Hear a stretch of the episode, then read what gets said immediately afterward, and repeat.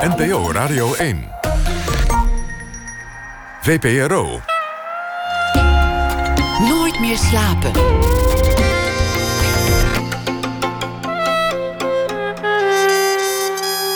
Met Pieter van der Wielen. Goedenacht en welkom bij Nooit meer slapen. Straks na ene Konrad Kosselek op bezoek, de arrangeur en bandleider. Hij maakte een programma over de Belmeramp en zal ook optreden tijdens de officiële herdenking. Want woensdag aanstaande is die ramp 25 jaar geleden. Monier Samuel is deze week onze vaste schrijver. Elke nacht schrijft hij een verhaal over de voorbije dag of bij de voorbije dag.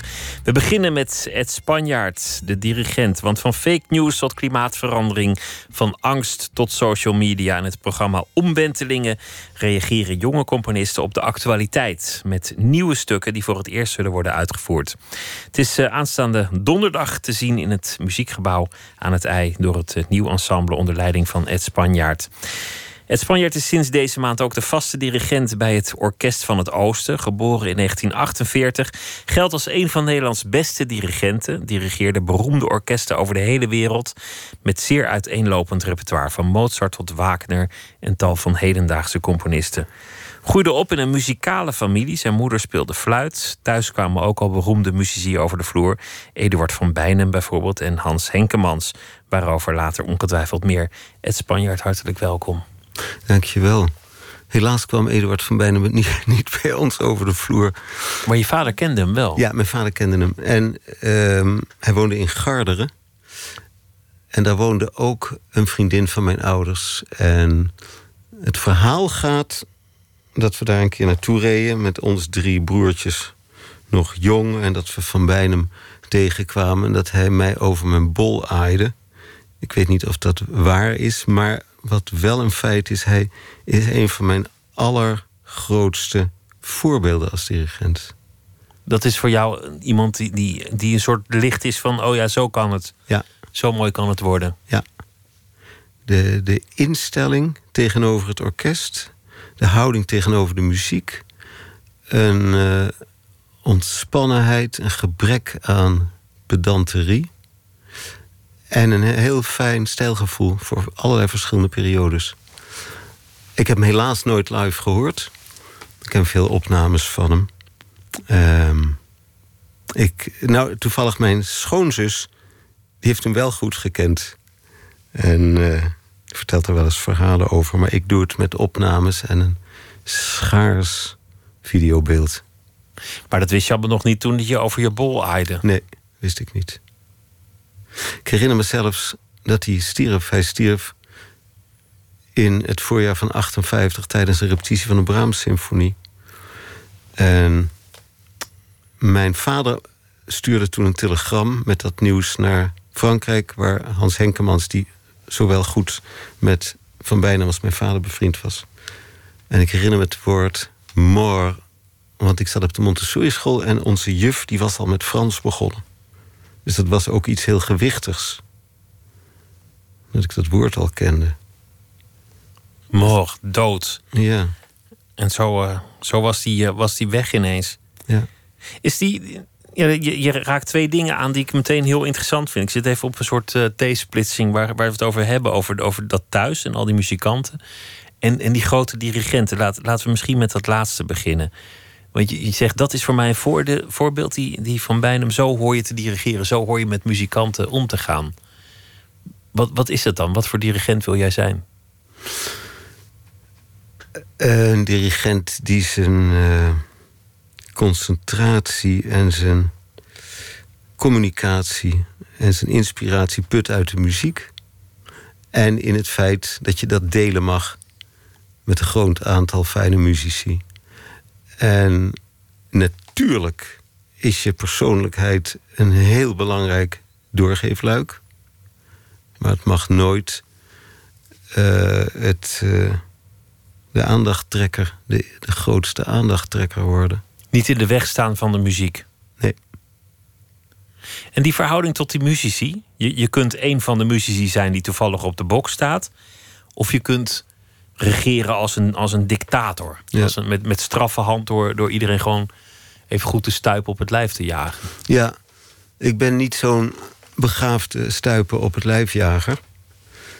Ik zag toevallig, ik geef les op het conservatorium in Amsterdam... en een van mijn studenten die liet een stukje zien van een concert met Charles Munch. Dat was een Franse dirigent die in Boston uh, chef was tot zijn dood in de jaren zestig. Het is ook een geweldige dirigent. Heel veel temperament. Dus uh, het feit dat je een, op een bepaalde manier. Uh, een bescheidenheid is niet het goede woord, maar dat je, je je plaats, je dienende plaats kent en toch met enorm temperament en uh, intensiteit je muziek laat klinken. Ik vond dat München had dat ook. Dat zag je ook heel duidelijk in dat, in dat filmfragment. Hij zag eruit als je lievelingsoom. Een knappe, grote, grijze heer van begin 70. Met overwicht en tegelijkertijd ontspannenheid. En toch er bovenop zitten. Je merkte dat hij alles in zijn vingertoppen had. En dat het zinderde. Het had ook een enorme ritme. Dat vind ik ook iets heel belangrijks van een dirigent. Dat had van Bijnem ook een, een gevoel van cadans. Dat je, ja, je zou het. Uh, een soort swing, zou je kunnen zeggen. Zoals Art Blakey in de jazz, als een drummer die hele band voortstuwde met. met uh, ja, misschien wel. Met zijn grooves en zijn, en zijn bewegingen. Zo doet een dirigent het ook, maar dan zwaaiend. Ja. Als je daar staat, te, dirigeren als het eenmaal het moment is van die, van die uitvoering? In, in wat voor staat verkeer je dan? Grote concentratie. Dat is eigenlijk. Uh, ik zit nu al ongeveer 40 jaar in die wonderlijke positie, die vaak heerlijk is. Concentratie wordt eigenlijk makkelijker, steeds makkelijker, omdat de bijzaken, de afleidende gedachten, die raak je kwijt. Als je kort, korter dirigeert, dan ben je bewust van hoe de mensen in de zaal je zouden kunnen zien. Dan voel je 4000 blikken in je rug. Ja, um, nou, 4000 is. is wat, nou, heb je wel meegemaakt. Ja, natuurlijk. Dat heb ik in, in de Ahoy-hal en zo. Maar um, bijvoorbeeld ook, dan denk je: oei, heb ik, uh, heb ik Rie wel uitgenodigd? Heb ik er wel gezegd dat ze een vrijkaart kon krijgen. En heb ik uh, mijn fiets wel op slot gezet. Dat soort hele gewone. Niet productieve gedachten. Niet productieve gedachten die, die kunnen afleiden. En dat heb ik nu helemaal niet meer. Als ik, als ik bezig ben, dan ben ik volkomen gefocust. Het heeft het een groot voordeel. Het heeft ook het nadeel. Ik heb vandaag twee grote repetities achter de rug. En het gebeurt soms dat je stopt en dat je ineens denkt: hé, hey, wacht eens even ik zit wel in het lijf van iemand die op weg is naar de 70. En als ik aan het werk ben, heb ik daar helemaal geen. Dan slaat dat, dat idee zo nergens op slaan. Dat voel je helemaal niet. Je lichaam telt even niet. Nee. Is niet moe. Nee. Het maakt niet uit dat je, dat je staat en, en beweegt. En nee, dat voel je allemaal niet. Heb je meteen door wie een goede dag heeft en wie niet? Als de, de derde violist een, een, klein beetje nou ja, het laat afweten of, of een wat minder goede noot raakt. Hoor je het meteen? Ja, je neemt het ontzettend snel waar. Maar nou, de repetities vandaag waren met het Nieuw Ensemble. Met wie ik dus donderdag in het muziekgebouw... een spannend, heel jong programma dirigeer.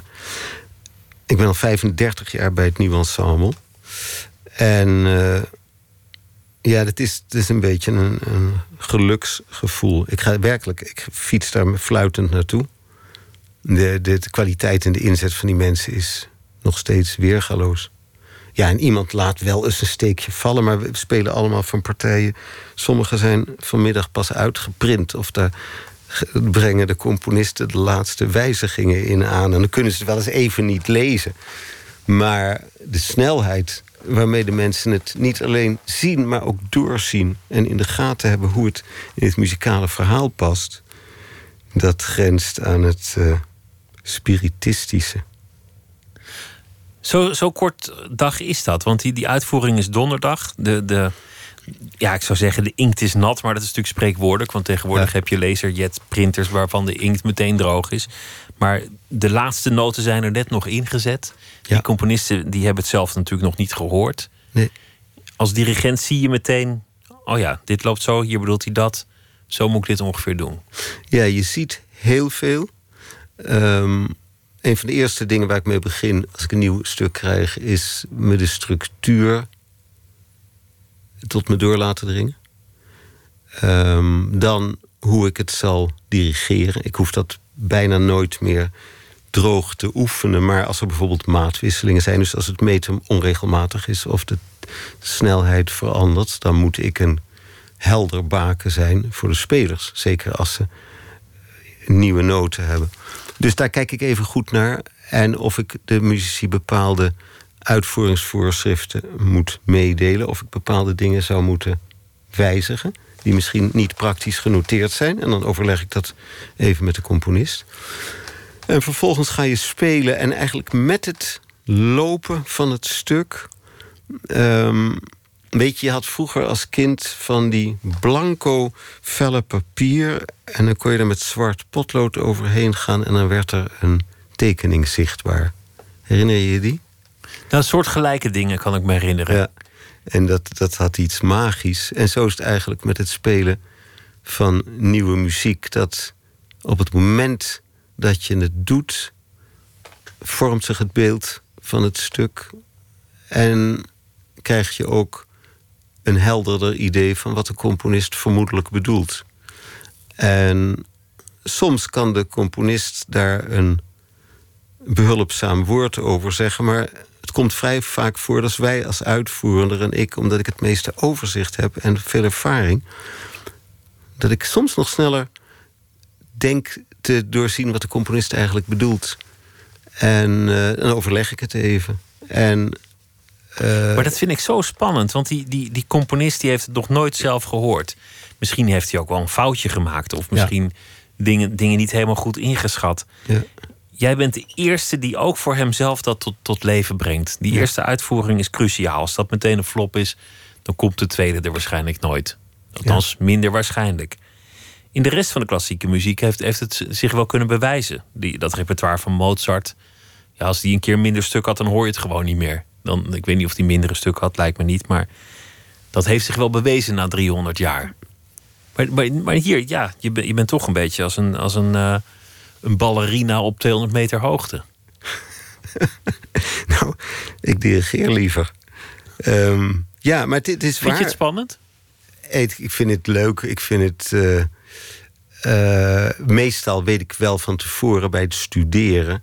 Kijk, ik weet sowieso als ik een stuk voor het eerst studeer is het kundig opgeschreven? Heeft de componist veel inzicht in de verschillende instrumenten? Dat zie je al heel snel. Kent hij de klank? Kent hij de mogelijkheden? Ja, eh, eh, heeft hij of zij vermoedelijk een goed voorstellingsvermogen. Het komt voor dat de ideeën heel origineel en sprankelend zijn, maar dat het onhandig is opgeschreven dat is geen erg grote handicap. Dan kan ik meestal met een kleine ingreep het, het een beetje. Uh, we doen bijvoorbeeld een, een, een, stuk van een componiste die zelf ook zingt. Niet zangeresserig, maar wel een, een, een stemhoudende rol heeft. En de inspiratie voor het stuk was haar broer die autist is. En soms, wat ik wel grappig vond, ze was er vandaag. Ze zegt: Ik maak niet foto's zoals de meeste van ons dat doen als je het Louvre uh, bezoekt of als je een paleis uh, wordt rondgeleid of een berg beklimt. Maar ze zegt: ik maak geluidsopnames van een dansfestival of van een gesprek. En die mengt ze soms in dat stuk. En dat duurt dan een tijdje. En dan op een gegeven moment komen wij er weer in. En dan schrijft ze bijvoorbeeld 38 maten rust. Denkend dat ik dan in dat tempo waarin we zijn die 38 maten door zou tellen. Maar dat is praktisch. Is daar niemand bij gebaat? Het is in, in zo'n geval veel handiger om een cue op te schrijven. Na, zeg maar wat, 50 seconden, die dat geluidsfragment duurt, hoor je een doedelzak of hoor je een twee lage basnoten. En als ik dat één keer gehoord heb, dan weet ik wanneer ik moet inzetten. Dus dat is iets wat heel makkelijk simpeler te structureren is, dan zeg ik tegen mijn muziek: sla al die maten niet uit. Maar bij letter L, bij wijze van spreken, geef ik een helder teken. En maar je, je klinkt nu als een coach. Alsof, alsof je dit ook echt doet met de bevlogenheid om, om jonge mensen... want dit zijn allemaal echt jonge componisten. Dit zijn mensen van 20, ja. 19 nou ja, of, of, iets ouder. Maar, maar zoiets moet je denken. Echt jonge mensen. Het lijkt ook je ambitie om, om die te helpen. Ja, maar dat is ook... Kijk, als ik vind dat hun ideeën oorspronkelijk en eigen zijn... en dat, ze, dat het geen flauw aftreksel is van, van leenwerk... of iets wat heel knullig is bedacht... dan wil ik ze graag die gelegenheid geven en ze boffen... want die muzici zijn steengoed die dat spelen. Dus we zetten allemaal ons beste beentje voor. En als ik helpen kan om het praktischer en inzichtelijker en sneller realiseerbaar te maken, dan doe ik dat. Terwijl jij speelt normaal stukken van Wagner, van Debussy, van, van reusachtige componisten, van, van legendes, meesterwerken. En het is, het is onwaarschijnlijk dat, dat hier een Wagner of een Debussy tussen zit, statistisch. Maar waarschijnlijk zijn dit uiteindelijk minder goede stukken. Ja, maar het, het, het feit dat je iemand uh, zo kan belichten bij een eerste kunstwerk en bij een eerste uh, de, de publiek, publiek laten horen van een, van een credo en een persoonlijk gezicht laten zien. Dat vind ik een, een, een dankbare opdracht. Een soort geboorte is het. Ja. ja. We kunnen nog niks laten horen, want uh, het is er nog niet. Maar we hebben wel iets, uh, iets soortgelijks. Nomaden. Joël Bons was de componist. En het was een van de hoogtepunten van de Cello Biennale van vorig jaar. En dit is uh, gespeeld ook door het uh, nieuw ensemble. Een fragment.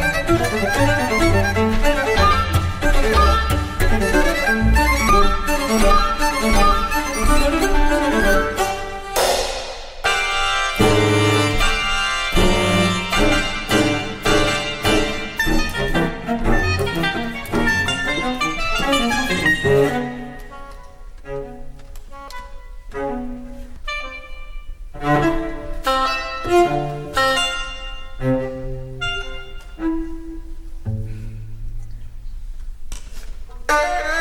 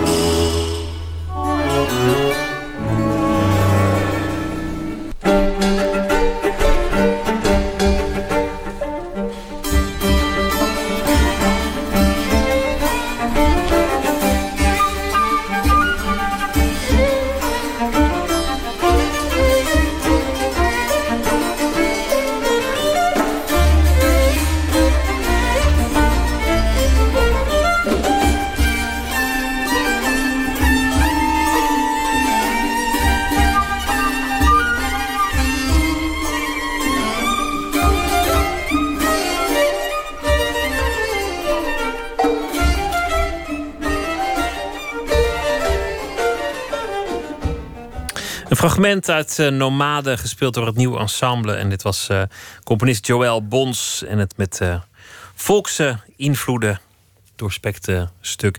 Ed Spanjaard is dirigent en die zit, zit tegenover mij. Dit, dit, is maar een voorbeeld van iets wat echt van nu is. Van, van, van onze tijd. Ja, dit is een half jaar geleden. Al iets meer, een klein jaar geleden in première gegaan. Ik vond het een meesterlijk stuk. Duurt een uur.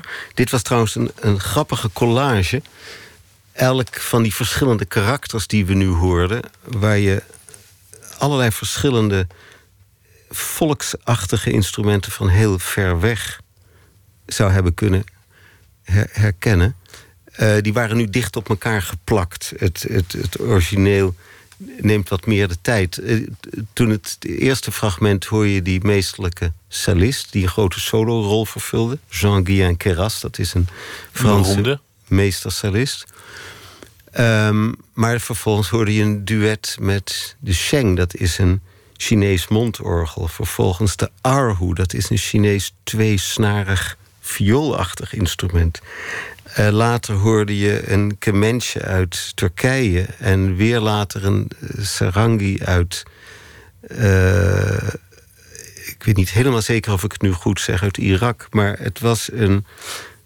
Um, ik herinner me heel goed de eerste repetitie. Ik had me erg goed samen met de componist... met wie ik bevriend ben op het stuk voorbereid. We hadden er ook veel van tevoren over gepraat en naar gekeken. Ik was zeer ge, geëmotioneerd door dat stuk. En ook door de eerste repetitie al. Omdat er behalve ongeveer een dozijn Nederlandse muzici... ook een tiental muzici van heel ver weg in zaten.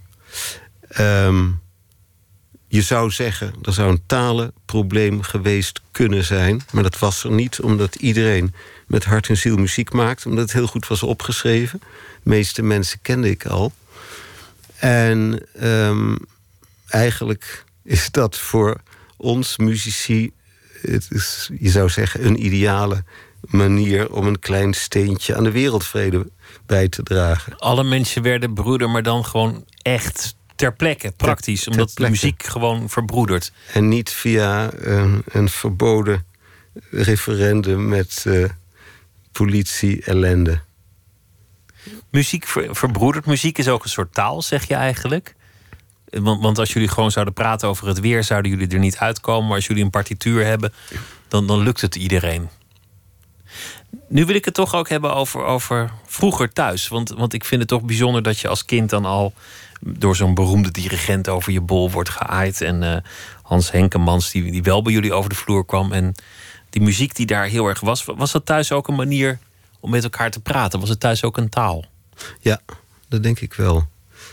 Ik geloof dat ik eerder noten kon lezen dan letters. Mijn vader speelde veel piano, was een amateurpianist. En die had altijd zo'n vast uur tussen 11 en 12 s ochtends... en vaak nog een uur s middags. Dat is eigenlijk erg veel voor een amateur, toegewijde amateur. En ik vond dat prachtig, de vleugel. Ik hing daar vaak uh, rond de vleugel. En op een gegeven moment wilde ik ook graag les hebben. En dat mocht ook. Er werd al snel veel samengespeeld. De broer die uh, kleine twee jaar na mij komt... die liet zich niet onbetuigd. Is goed cellist geworden. Mijn moeder speelde goed fluit. En er waren vaak vrienden. Die vriendin, een hele goede vriendin van mijn ouders... die kwam elke maand, mooie violisten. Er werd veel samengespeeld. En dat was uh, een van de vrolijkste, gezelligste en ook, denk ik, meest geborgen manier van uh, samen zijn.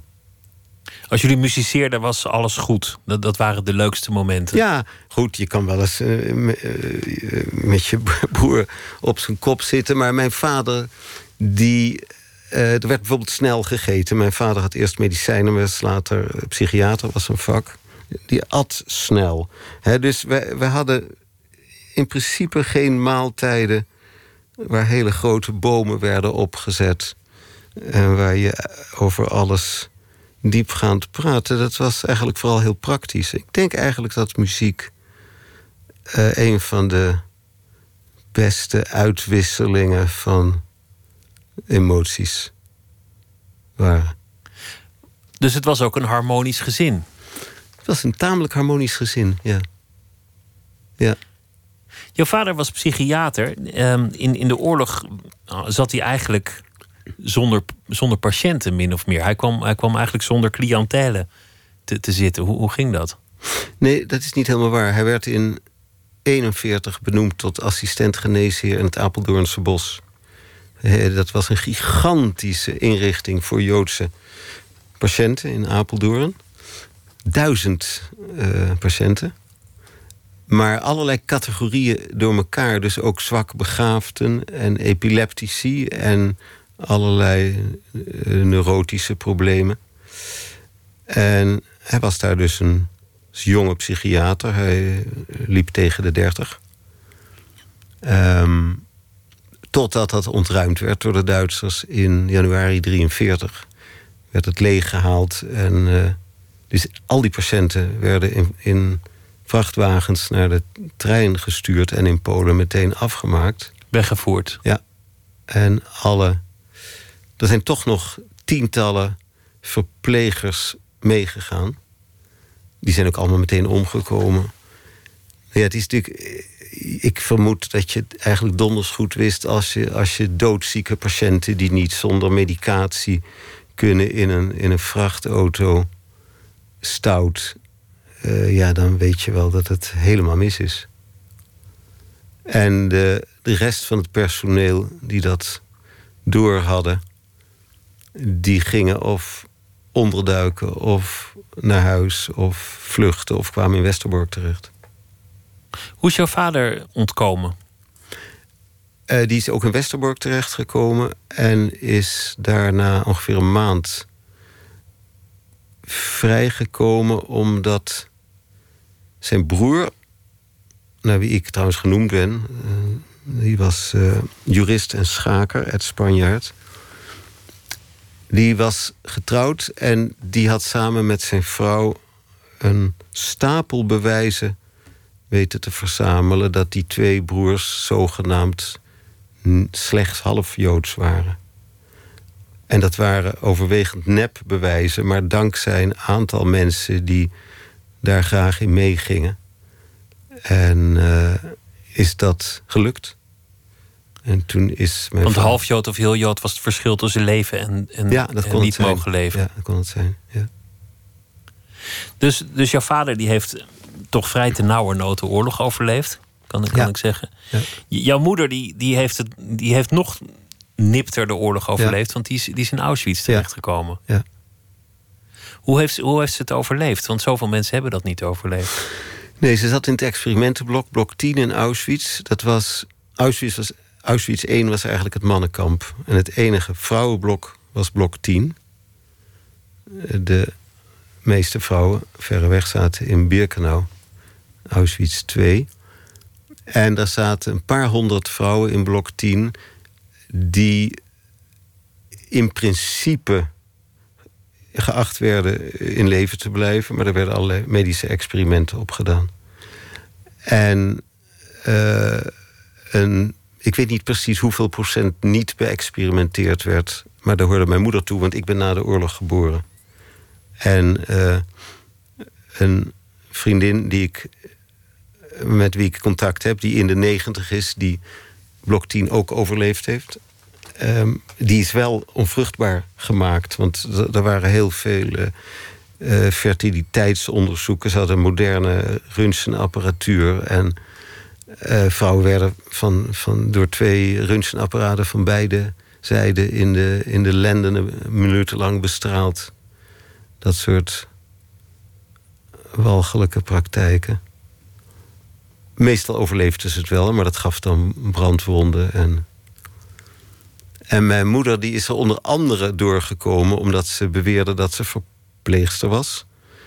De vader was arts en mijn moeder had in de oorlog een tijdje als eh, tandartsassistent in een Joodse praktijk in Amsterdam gewerkt. En was verloofd met een jonge Joodse arts. Dus ze stond ook wel een beetje daar dichtbij.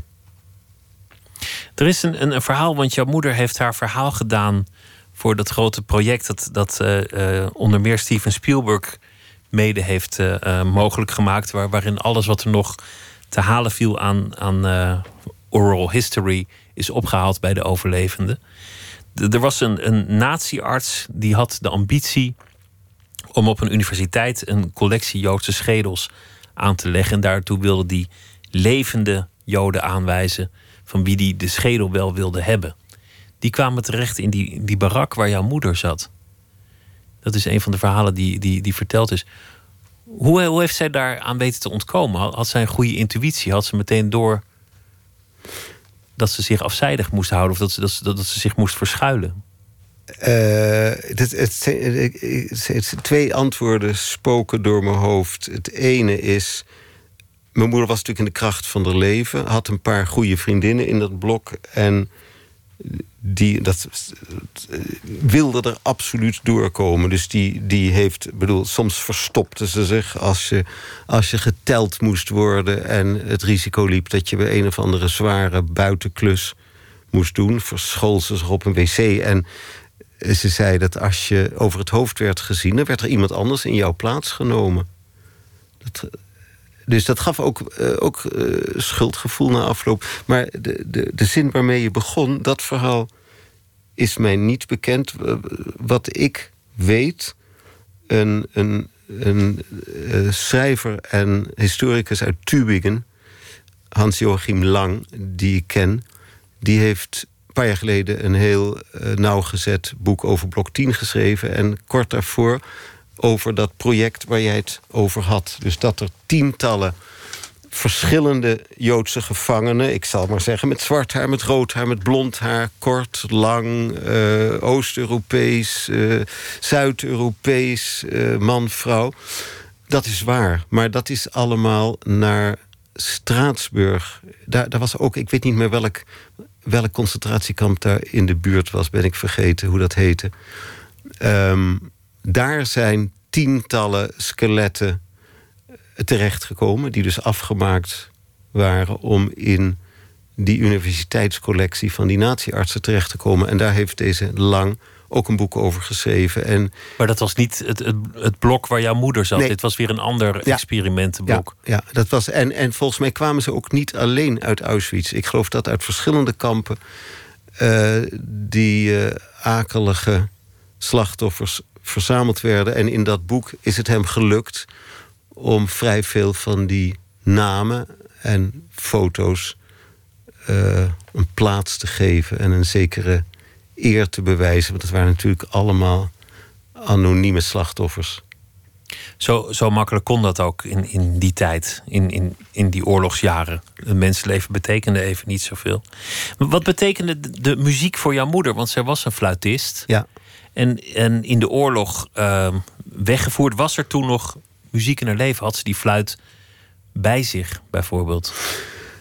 Ze heeft op een gegeven moment een fluit uh, bemachtigd. Je had natuurlijk. Uh, Canada heette dat. Dat was eigenlijk de plek waar alle schatten terechtkwamen. Dus juwelen, violen, vaak mooie dingen die mensen toch hadden meegenomen in dat transport naar dat kamp. En die werden vaak uh, naar Berlijn gestuurd of versmolten. Er waren hele waardevolle spullen bij. Er werden instrumenten die konden gebruikt worden, want er waren natuurlijk verschillende kamporkesten. Mijn moeder is op een gegeven moment aan een fluit gekomen. En wat, wat wel een heel bijzonder verhaal is, is, is een vrouwenorkest in Birkenau opgericht, geleid door het nichtje van Gustav Mahler die een briljante violiste was. En die kwam in Auschwitz. Mijn moeder herkende haar, want die vrouw die Alma Rosé heette... had in de oorlog klem gezeten in Nederland. Ze wilde vanuit Wenen naar haar vader... die in, veilig in Engeland zat. Maar ze kwam het kanaal niet meer over. En toen is ze in Nederland gebleven.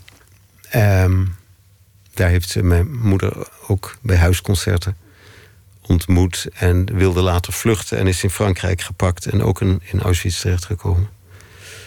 En werd, dat vrouwenorkest is vrij bekend geworden. Er zijn ook documentaires en veel getuigenissen van geweest.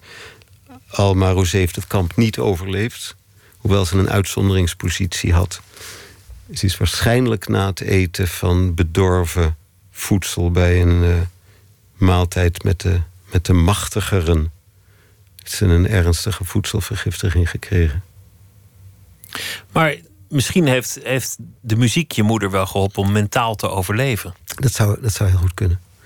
En zeker ook uh, vriendinnen die elkaar natuurlijk steunden. En uh, uh, soms, ik bedoel, s'avonds werd het zo'n blok afgesloten. En dan gaven ze wel eens een bonte avond. Ja, hoe bont weet ik niet. Maar er was een, een, een van de vriendinnen van mijn moeder was een beeldhouster. En die maakte dan een kostuum of iets wat kon lijken op een, weet ik veel, een, dansjurk of een pruik of een kroontje. Um, moeilijk voor te stellen, maar um, ja, er moeten ook momenten van saamhorigheid en, en uh, weerspannigheid en lef en. Uh, maar dat jij dit allemaal weet, toont dat aan dat, dat er niet over werd gezwegen thuis? Nee, er werd helemaal niet gezwegen. Maar dat is een soort cliché dat, dat mensen na de oorlog zwegen om, om hun, hun, wonden te bedekken. Maar, maar jij weet het allemaal. Misschien heb je het, heb je het ook uitgezocht uit, uit boeken, maar kennelijk werd er ook wel over gesproken. Ja, ik weet vrij veel van mijn moeder. Mijn moeder is ook wel redelijk vaak, wat je al aanhaalde, dat grote anderhalf uur durende filminterview. Uh, van de Spielberg Foundation, wat trouwens in het Nederlands is opgenomen. En er is ook een documentaire gemaakt door Pieter Fleury, de filmer, in samenwerking met het Anne Frank Stichting. Die hebben, ik geloof, acht documentaires gefilmd, ongeveer 25 jaar geleden. Maar mijn ouders leerden elkaar kort na de oorlog kennen. En mijn vader was psychiater en die begreep donders goed dat deze walgelijke gebeurtenissen, dat je die niet moest verzwijgen, maar daarover moest praten. En liefst met mensen die je daar op de een of andere manier doorheen konden helpen of het een plaats konden geven. En dat heeft mijn moeder, denk ik, veel goed gedaan. Want Wat heeft dat voor jou betekend? Want het zijn, zijn loodzware verhalen. Ja. En, en zo dichtbij, je ouders, en zo kort voor jouw geboorte. Hoe heeft dat doorgewerkt in jouw leven?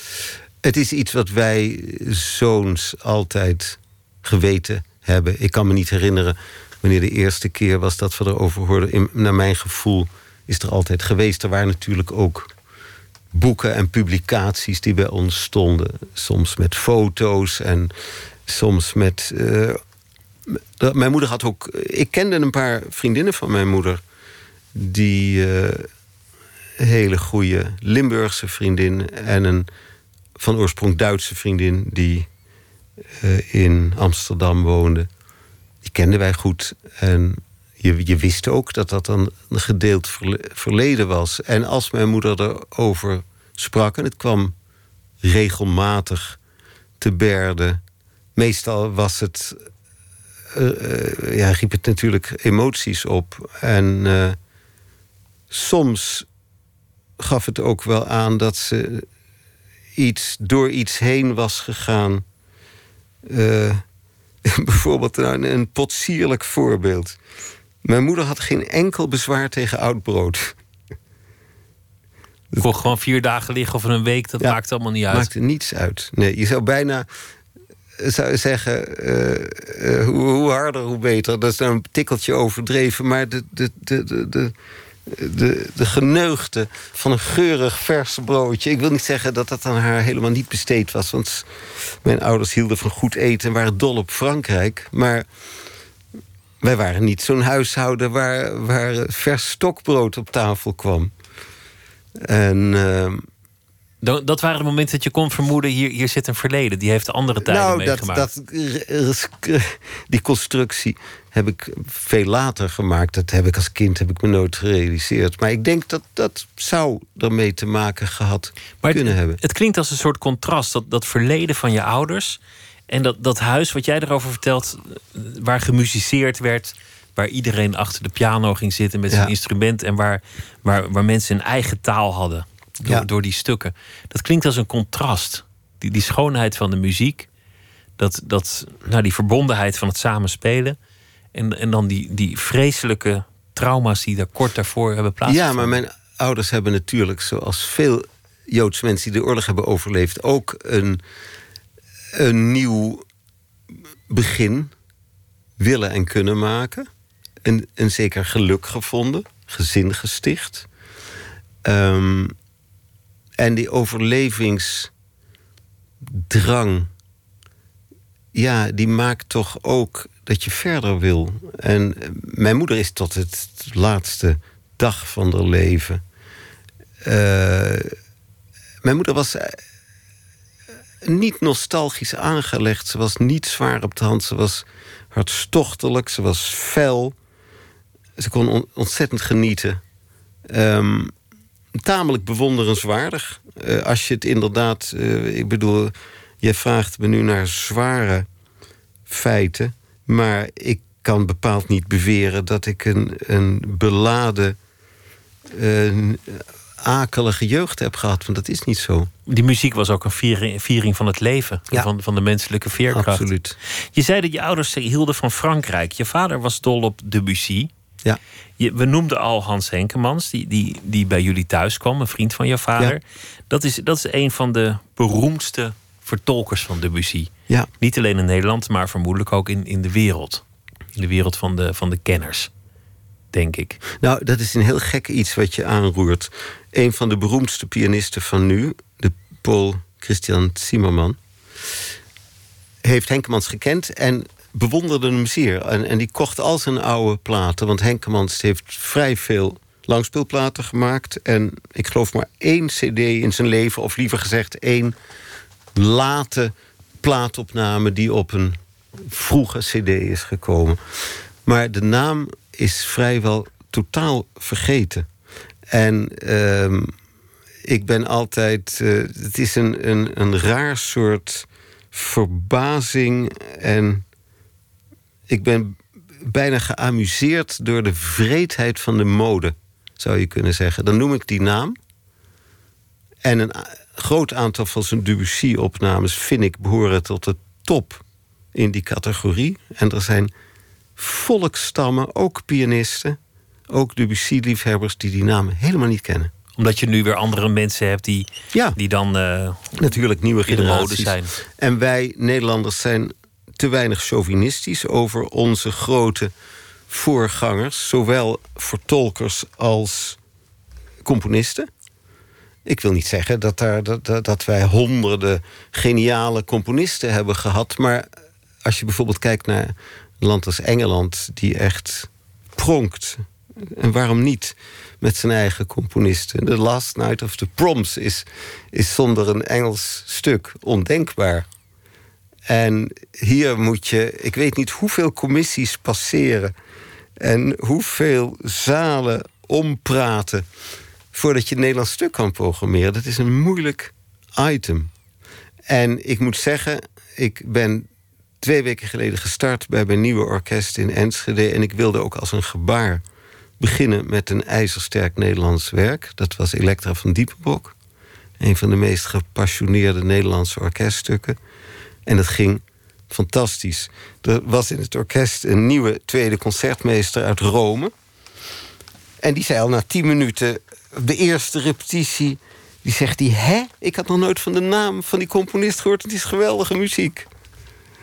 En uh, gelukkig is dat ook bij het publiek. En zeker bij de muzici. Want vrij veel mensen hadden het nooit gespeeld.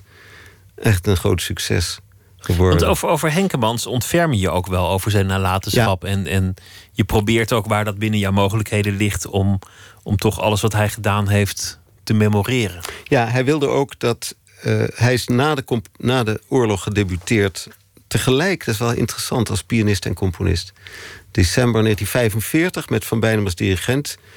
Solist bij het concertgebouw was Hans Henkemans de pianist in zijn eigen pianoconcert. Dat heette Passacaglia en Ziege. Dat was een dubbel debuut. Want hij wilde in de oorlog niet uh, bij de cultuurkamer horen, dus kon geen openbare concerten geven. Hij gaf wel uh, stiekem concerten. Ja. Muziek als een daad van verzet. Dat mensen naar een geheime locatie kwamen om, om hem te horen spelen. Ja. Dat is Ja. toch ook prachtig? Dat vind, dat ik zo'n mooi verhaal. En hij was een studievriend van mijn vader, omdat ze samen medicijn en psychiatrie hebben gestudeerd.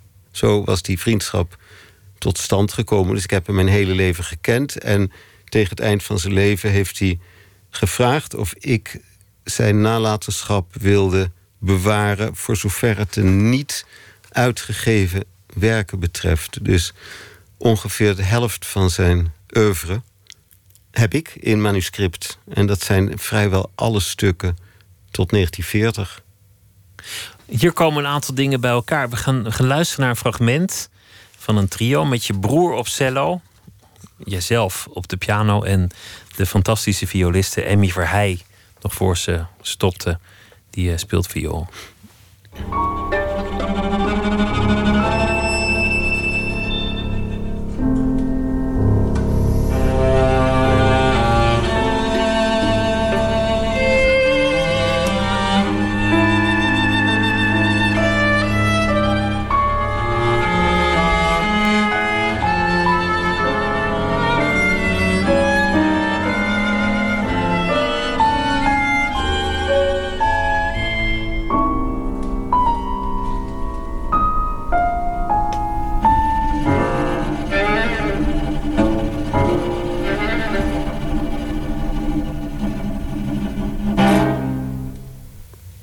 Stuk heet ook gewoon eh, trio. is een heel, heel kort, eh, korte passage, maar dit. Met, met de familie en dan ook een, een stuk ja, dat, dat je ook wel kent uit je jeugd waarschijnlijk. Dit. Ja, of niet? Nee, dit stuk is sinds de première in de jaren 30, toen de componist pas 20 of 21 was.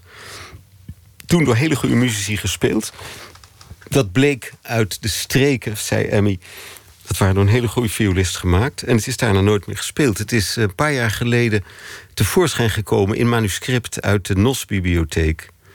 En toen de. Hier in de omroep. Ja, en de, de, de man die het Vrije Geluidenprogramma presenteerde... die zegt, ik heb een leuk plan. Zou jij je hierover willen ontfermen... en kan je dat over een half jaar of zo bij ons komen spelen? Want het, niemand kent het, het is niet uitgegeven... en niemand heeft het ooit gehoord sinds 1932. Dat kan natuurlijk het lot zijn van een componist. Sommige stukken worden 500 jaar later nog gespeeld en, en meegezongen. En, en heel veel stukken verdwijnen in een mapje, in een, in een in een bureaula. Jaren aan gewerkt en één keer gespeeld of zo en dat was het dan. Ja. Hoe is, hoe is het eigenlijk... Want dit vind ik wel leuk dat, dat jouw bestaan zo duidelijk in die muziek terecht is gekomen. Dus ook volgens mij nooit een andere beroepskeuze op je pad geweest... of een soort twijfel van, zal ik scheikunde gaan studeren? Nee, scheikunde niet. Ik heb, ik heb eh, best getwijfeld. Ik had wel een taal willen studeren. Ik ben tamelijk van de talen. Ik heb wel beta gedaan, maar eigenlijk ben ik helemaal geen beta. Ik had ook wel dokter of psychiater willen worden. Dus eh, Net als je vader. ja, dus iets van die, van die bacterie, van die andere mogelijke keuzevakken is me altijd wel een beetje bijgebleven. Ik ben bijvoorbeeld, ik heb elke week Spaanse les. Dat is een taal die ik nooit geleerd had, maar ik ben het aan mijn, alleen al aan mijn achternaam een beetje verplicht. Want je bent ook een groot liefhebber van de flamenco-muziek. Ja, ja. De- er is zelfs één moment geweest in je loopbaan. We moeten het niet groter maken dan het is. Één moment, geen twee. Dat je even van, van de bok afkwam als, als eh, dirigent Ja. en danste. ja. Flamenco danste en, en ook wel dat je het kon. Ik ben een, een, een redelijke amateur, ja. En ik, ik doe het al iets van 15 jaar. En wat ik aan danstechniek mis, heb ik gelukkig weer als surplus aan ritmisch gevoel. En dat is eigenlijk vreselijk belangrijk. En heel erg fijn van de flamenco is dat ouder zijn doet niet ter zake. Ik heb een keer in de la Frontera, waar ik veel geweest ben... wat een prachtig flamenco-stadje is bij Sevilla in de buurt... optreden gezien van een prachtige jonge flamenco-beroemdheid. En die introduceerde aan het eind van haar avond haar oude lerares... Mathilde Corral. Een zware dame en ik geloof dat ze twee plastic knieën had. En die had een grote groene manton... Dus die liep enigszins stroeve toneel op. Er was een fenomenale zanger, Miguel Poveda. Die ging bij staan met die, van die hele gepassioneerde handgebaren. En de danseres deed niet veel meer dan met een polsbeweging die manton bewegen. En wij zaten in die grote stadstheater allemaal te snikken van ontroering. Het was echt zo magisch. En wat dat nou precies was, is niet goed in woorden te beschrijven. Maar ik bedoel, dus de, de tragiek lijkt mij van een groot balletdanser... dat je eigenlijk op je veertigste terzijde moet stappen. Terwijl je dat echt door begint te hebben. Ja. Terwijl je voor het eerst echt begrijpt wat je aan het doen bent. Ja, ik ben pas na mijn veertigste met mijn allereerste flamenco amateurles begonnen. Ik doe het nog elke week. En het blijft een groot genoegen. Wanneer beving je dat voor het eerst? Wanneer, wanneer ontdekte je dat? Ik was bij de allereerste keer in Spanje was een vriend van mij, een Israëliër, die in een professionele folkloristische dansgroep zat in Tel Aviv, geloof ik, Imbal. Die was een jaar naar Madrid gegaan om flamenco te studeren. Dat fascineerde hem. Omdat flamenco ook in Israël vrij populair aan het worden was. Je had uh, beroemde Spaanse danser die ook in die filmen van Saura optreedt. Ik kom nu even niet op zijn naam. Uh, Carmen is zo'n film. die, die, die gaf daar vaak onderricht. En dus deze vriend ging in Madrid en hij nam mij mee, die Israëliër, naar studentenkroegen waar Sevillanas gedanst werd. Dat is een flamenco-achtige folkloristische dans. En het fascineerde me buitengewoon. En, maar ik begreep het niet. Ik, ik snapte niets van die passen. Ik kon het zelfs helemaal ritmisch snapte ik niet. En dat, dat was een soort ja, iets tussen fascinatie en irritatie in. Ik wilde dat. Je wilde je niet verloren geven. Je wilde het. Uh, en toen ben je wilde ik, het begrijpen. Ben ik op een beginnerscursus gegaan toen ik terug in Nederland was. Misschien typeert je dat ook wel als, als dirigent. Als je dan toch een stijl zou moeten omschrijven. Je had het over je stijl van leiding geven, maar je, je zei zelf: ritme is voor mij belangrijk. Ja. Misschien ben je eigenlijk ook wel een danser, maar dan met, met je armen, met je stok. Ja, een beetje wel. Dat, dat is waar. En wat dat betreft heeft dat, uh, die flamenco-hobby me ook wel goed gedaan. Ik ben toch iets losser geworden. En ik denk dat het ritme en, en de souplesse... En het is een combinatie van souplesse... en een ongelooflijk uh, mooi gefundeerde... Ja, biologische klok of iets dergelijks. Dat moment dat je, dat je even danste op dat podium, ja. voor één keer. Is het, is het waar dat jouw moeder toen op de eerste rij stond? Ja, nog gekker. Het was het laatste jaar van mijn moeders leven. Ze was 85 en was bijna blind. Ze had een blinde stok. Ze wilde dan altijd een vrijkaartje vooraan, want dan kon ze nog net iets zien. En wat deze eerst danste, er waren twee beroepsdansers die meededen. Dat was La Vida Breve. Dat is een korte, maar aangrijpende opera van de Falla. En het begin van de tweede acte uh, werd gedanst. Eerst door de beroepsdanseres, toen door de beroepsdanser... met gitaar en zang. En toen werd ik door de danseres uitgenodigd. En ik stapte van de bok af. En mijn moeder die wist dat, of die vermoedde dat dat kon gebeuren... die stond op, ze zat op rij 1 of 2 in het concertgebouw... met een blinde stok loopt naar het podium, legt er 85-jarige koppie op het podium en kijkt ons aan. En daar is, ik heb daar een clandestine video van, die ik trouwens helaas niet meer vinden kan. Maar dat is een, een beeld. Ja, dat mag straks met mij de kisten in. Dat is zo'n bijzonder beeld. Ze uh, moedigde jou aan. Ja, ze wilde kijken wat ze er nog van zien kon. En was daar 100, ik weet niet hoeveel procent bij betrokken. En apetrots en genietend. En um, het grappige was, ik zat zo in dat hele spektakel. En het was ook, het was semi-scenisch. We hadden hele goede zangers.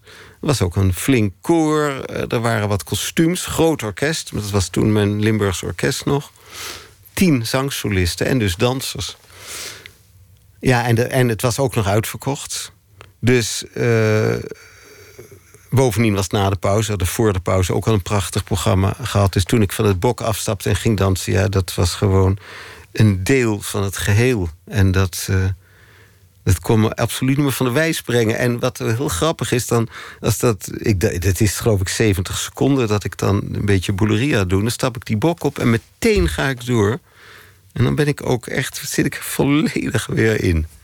Dat is meteen geconcentreerd en niet ja, afgeleid. Een hele maffe, directe switch is dat geweest. Maar je, je bent, uh, nou ja, je, je wordt volgend jaar 70. Een heel leven in de muziek. Ja. Een heel leven aan het reizen, inchecken, uitchecken, hotels, dirigeren, partijen, partituren. Je hebt, je hebt ontzettend hard gewerkt. Ja. Ontzettend veel verschillende dingen gedaan. Eigenlijk ging jouw leven voornamelijk over muziek. Ja. Is, is, dat, is dat achteraf waar je, waar je tevreden over bent? Kijk je daarop terug tot nu toe? Ja, dat, dat was de goede keuze. Ja, het is, het is mijn, uh, mijn. Van de multiple choice is het de beste voor mij.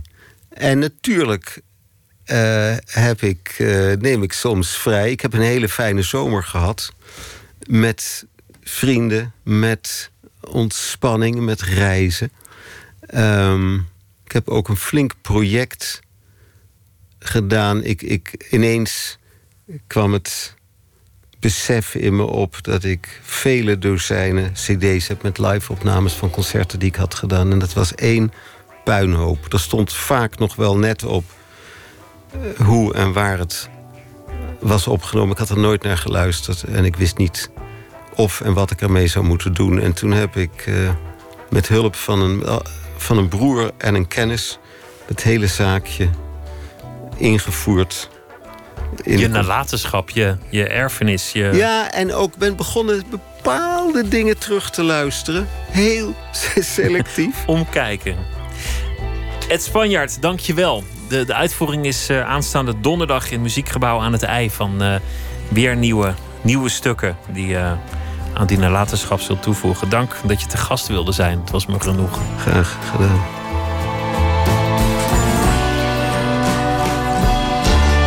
Radio 1, het nieuws van alle kanten.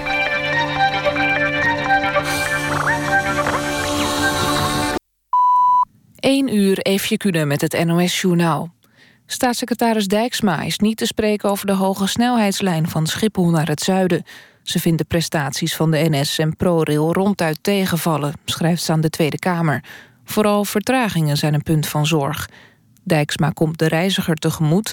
In de Intercity direct tussen Schiphol en Rotterdam hoeft buiten de spits voorlopig geen toeslag betaald te worden. Eerder dit jaar kregen de NS en ProRail al een boete voor ondermaatse prestaties in 2016. Dijksma roept de bedrijven op om zich komende maanden te herpakken om een nieuwe boete te voorkomen. In de tuin van het Witte Huis is een minuut stilte gehouden voor de slachtoffers van de schietpartij in Las Vegas. Bij de aanslag op een country festival zijn 59 doden gevallen. Meer dan 500 mensen raakten gewond. De politie zegt dat het waarschijnlijk nog lang duurt voor alle doden geïdentificeerd zijn. Er zijn speciale telefoonnummers geopend om mensen te helpen familieleden op te sporen. Theo Weterings is voorgedragen als de nieuwe burgemeester van Tilburg. De gemeenteraad heeft de VVD'er gekozen uit 28 sollicitanten. Hij moet de opvolger worden van Peter Noordanus... die na zeven jaar afscheid nam van de stad. Weterings is nu nog burgemeester in Haarlemmermeer. Voordat hij aan de slag kan in Tilburg... moet hij nog officieel benoemd worden door de commissaris van de Koning. Theo Maassen heeft de Polifinario gewonnen. Hij kreeg de belangrijke cabaretprijs voor zijn voorstelling Van kwaad tot erger. Daarin zoekt Maassen volgens de jury de grenzen op en verlegt hij ze door het te hebben over controversiële kwesties zoals de islam en de PVV. Het is de tweede keer dat Theo Maassen de Polifinario wint. In 2006 kreeg hij hem voor tegen beter weten in. Het weer, de bewolking neemt toe. In het zuiden gaat het enige tijd regenen. Ook in het noorden een enkele bui. Het koelt af naar 9 tot 13 graden. Morgen wisselend bewolkt, af en toe zon, maar ook regen. Het wordt 15 tot 16 graden. Woensdag blijft het op veel plaatsen droog. Dit was het NOS Journaal. NPO Radio 1. VPRO. Nooit meer slapen.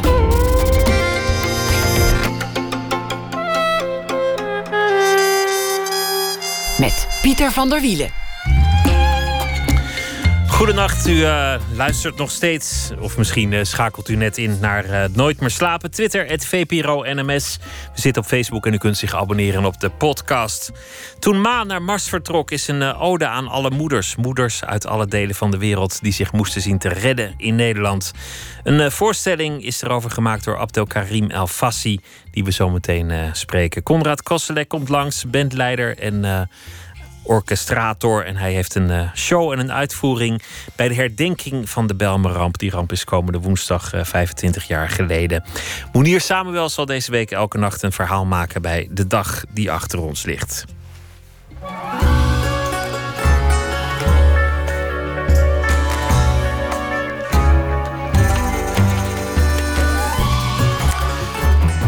Vanavond uh, werd uh, bekendgemaakt dat de Amerikaanse rockmuzikant Tom Petty zou zijn overleden na een hartstilstand. Maar even later is dat uh, bericht ook weer even hard ontkend. Tom Petty zou, een, zou zijn afgevoerd naar een ziekenhuis en zou daar in een zeer slechte conditie zijn. Maar of hij ook daadwerkelijk is overleden, dat is nog niet, niet bevestigd. Gijsbert Kamer is muziekjournalist. Goeienacht. Goeienacht. Ja, jij hebt uh, iets meer tijd gehad in het laatste uur om het, uh, om het op de voet te volgen. Wat zijn de laatste berichten over uh, de conditie nou, van Tom Petty? Er is niet zoveel meer bekend geworden. Het is alleen een uur, anderhalf uur geleden is eigenlijk heeft de LAPD, de Los Angeles Police, die heeft min of meer een excuus aangeboden dat er te vroeg een bericht naar buiten is gekomen dat Tom Petty is overleden. Hij ligt wel in het ziekenhuis en zijn toestand is kritiek. Um, en hij had inderdaad een hartstilstand gehad. Maar hij, hij is nog in leven. En nou ja, we hopen natuurlijk dat het zo blijft. En, um, maar voor de rest heb ik geen nieuwe updates gekregen. Het is het, het, nou ja, goed. Uh, ik hoop dat hij in leven blijft, maar die, die kans is vrij klein schijnlijk. Een, uh, een, een droevig bericht in ieder geval dat hij, uh, dat hij een, een hart aanval heeft, heeft gekregen.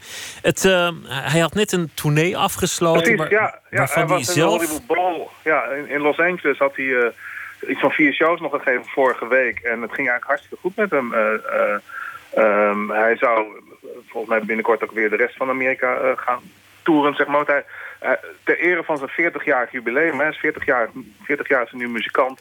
En vooral in Amerika is hij ook, behoort hij echt tot de allergrootste.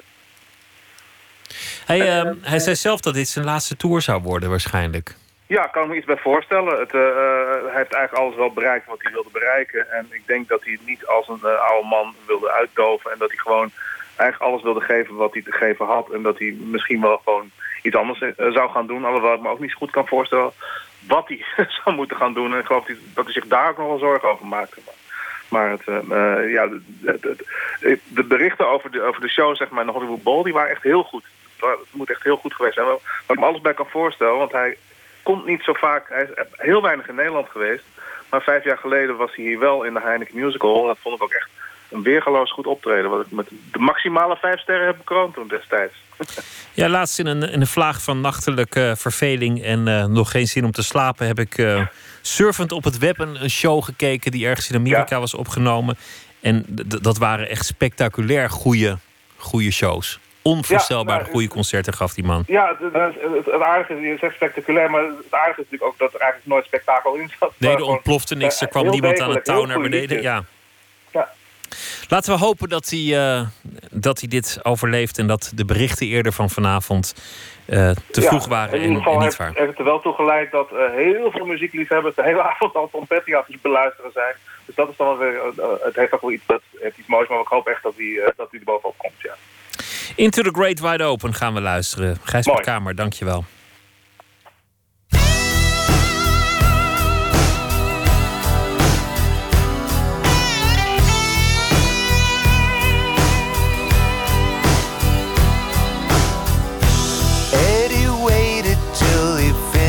High school. He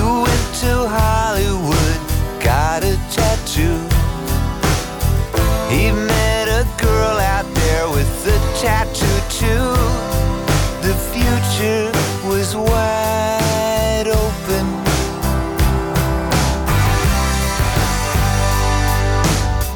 They'd moved into a place they both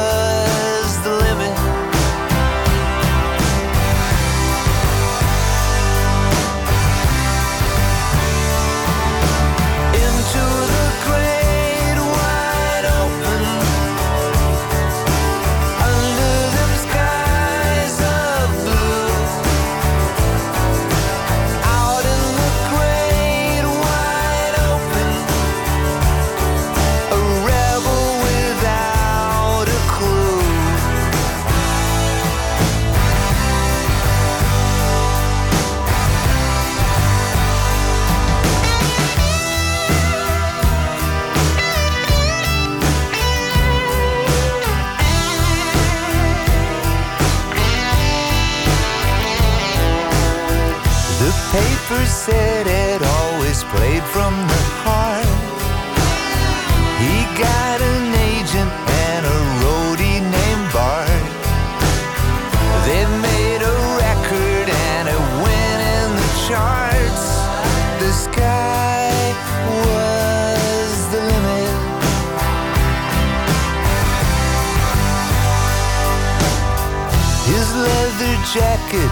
had chains that would jingle.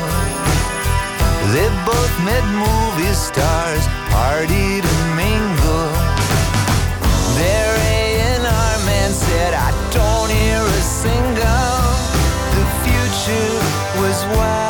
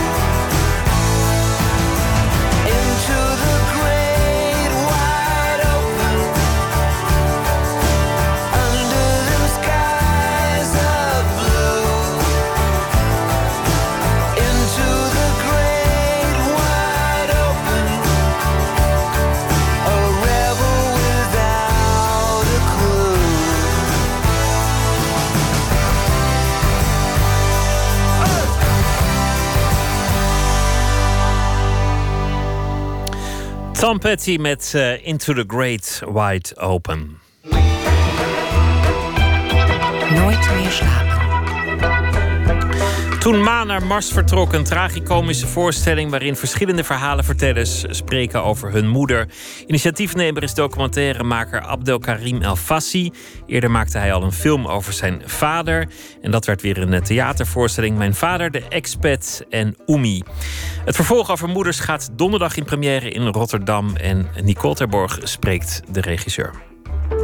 Mijn moeder is echt eh, is geen opgever, zeg maar. Gaat gaat altijd door. Ik, ondanks haar artrose in haar knieën, gewoon echt letterlijk bijna niet meer kan staan en kan lopen, nog steeds een krukje pakt om de, om, om de afzuigkap schoon te maken.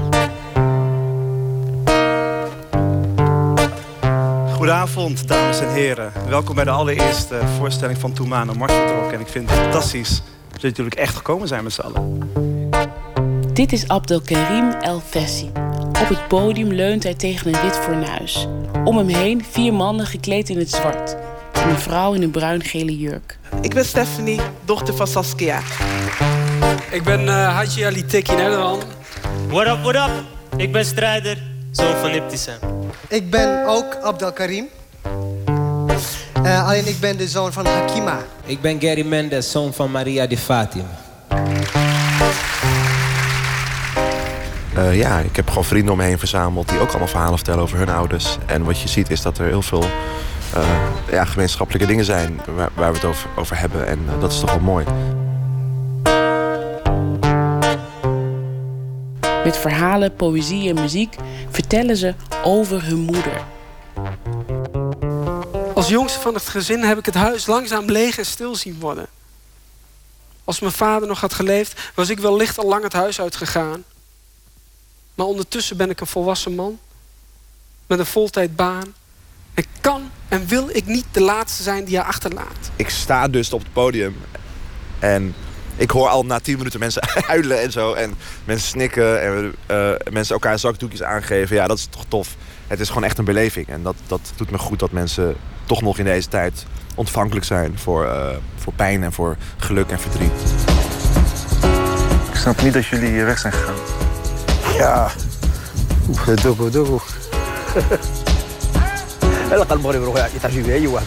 Ik heb eerder mijn vader de expert gemaakt. Dat was een film over mijn vader. Dat is uiteindelijk uh, een theatervoorstelling geworden met andere verhalenvertellers. Vooral Nasreddin Char met zijn stuk Oemi. En uh, dat was, uh, ja, ik kan wel zeggen, een succes. 26 keer gespeeld, in uitverkochte zalen, carré gespeeld. Buiten op een bankje in de binnenstad van Rotterdam vertelt de documentairemaker dat hij na zijn vader zijn moeder wilde portretteren. In deze voorstelling vertelt hij haar verhaal met een film. Maar haar zover krijgen om mee te doen is geen makkelijke opgave. Dat is heel lastig. Ik heb twee jaar moeten overtuigen, campagnes moeten inzetten. Ik heb heel veel telefoontjes met haar gepleegd ik heb, mijn vader heeft ook, en dat, vond ik, dat vind ik wel mooi, want dan zie je dat mensen wel groeien. Mijn vader heeft haar eigenlijk ook overtuigd om mee te doen. Daar waar hij vroeger vond dat haar stem misschien niet echt toe deed of zo, of dat die stem van die moeder gewoon bijzaak was, heeft hij nu, was hij nu de grootste ambassadeur. Want hij heeft gezien wat het kan doen.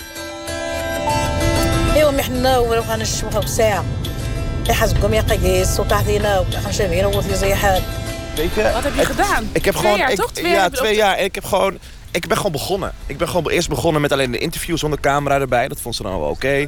En toen eh, heb ik haar een beetje laten wennen aan, ons, aan, aan mijn camerateam. Die kwamen af en toe bij ons thuis om te eten. Nou, daar raakte ze bevriend mee. Met Wouter en met Sjoerd en met Wart en met, eh met, met Geluidsman. Dus eh, nou, die vertrouwden ze ook. Nou, toen ben ik gewoon een klein beetje begonnen met de dingen buiten filmen. En op een gegeven moment zeg ik, ma, ik ga nu gewoon, ik ga nu gewoon, we gaan nu gewoon op pad. We gaan gewoon filmen. En weet je, je mag bij de montage aanwezig zijn. Ik laat je dingen zien. Als je niet mee eens bent, dan, dan, dan kap ik het af. En eh, ja, uiteindelijk was ze bij de try-out en vond ze het fantastisch. En dacht ze van, ja, wauw, mijn, ja, mijn, dat mijn verhaal, zeg maar...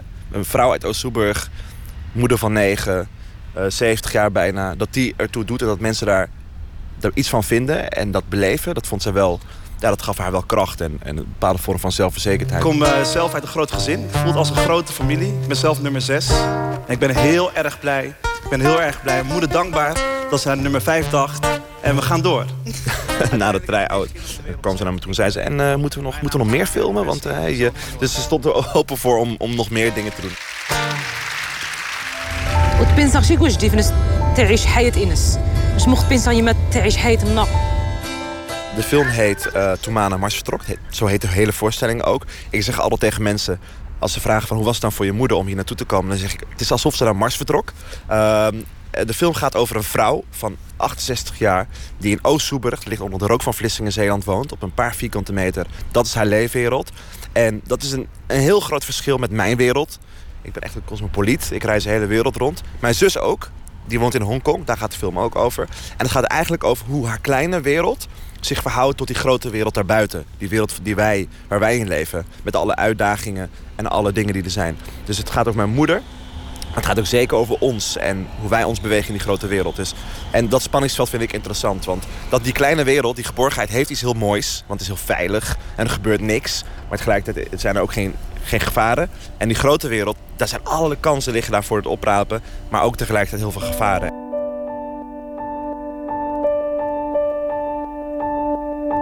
Ik nam haar emoties en haar gevoelens eigenlijk nooit heel serieus. Dat het een soort van routine werd. Het werd vanzelfsprekend dat mijn moeder niet gelukkig was of zo. Of niet blij was. Met, eh, niet zozeer met haar leven. Maar mijn moeder had genoeg om over te klagen. En op een gegeven moment denk ik van ja, dat is gewoon mijn moeder. Ze is gewoon negatief of pessimistisch. Maar daar zit iets onder. En, en, en ik heb haar gewoon een paar dagen echt geïnterviewd. eh, en echt naar haar geluisterd. En ik weet nog heel goed dat mijn zus, want ik, ik heb een bedrijf samen met mijn zus. Ze hebben samen alles geproduceerd. eh, die interviews ging vertalen. En tien uur lang naar haar stem moest luisteren. Echt luisteren.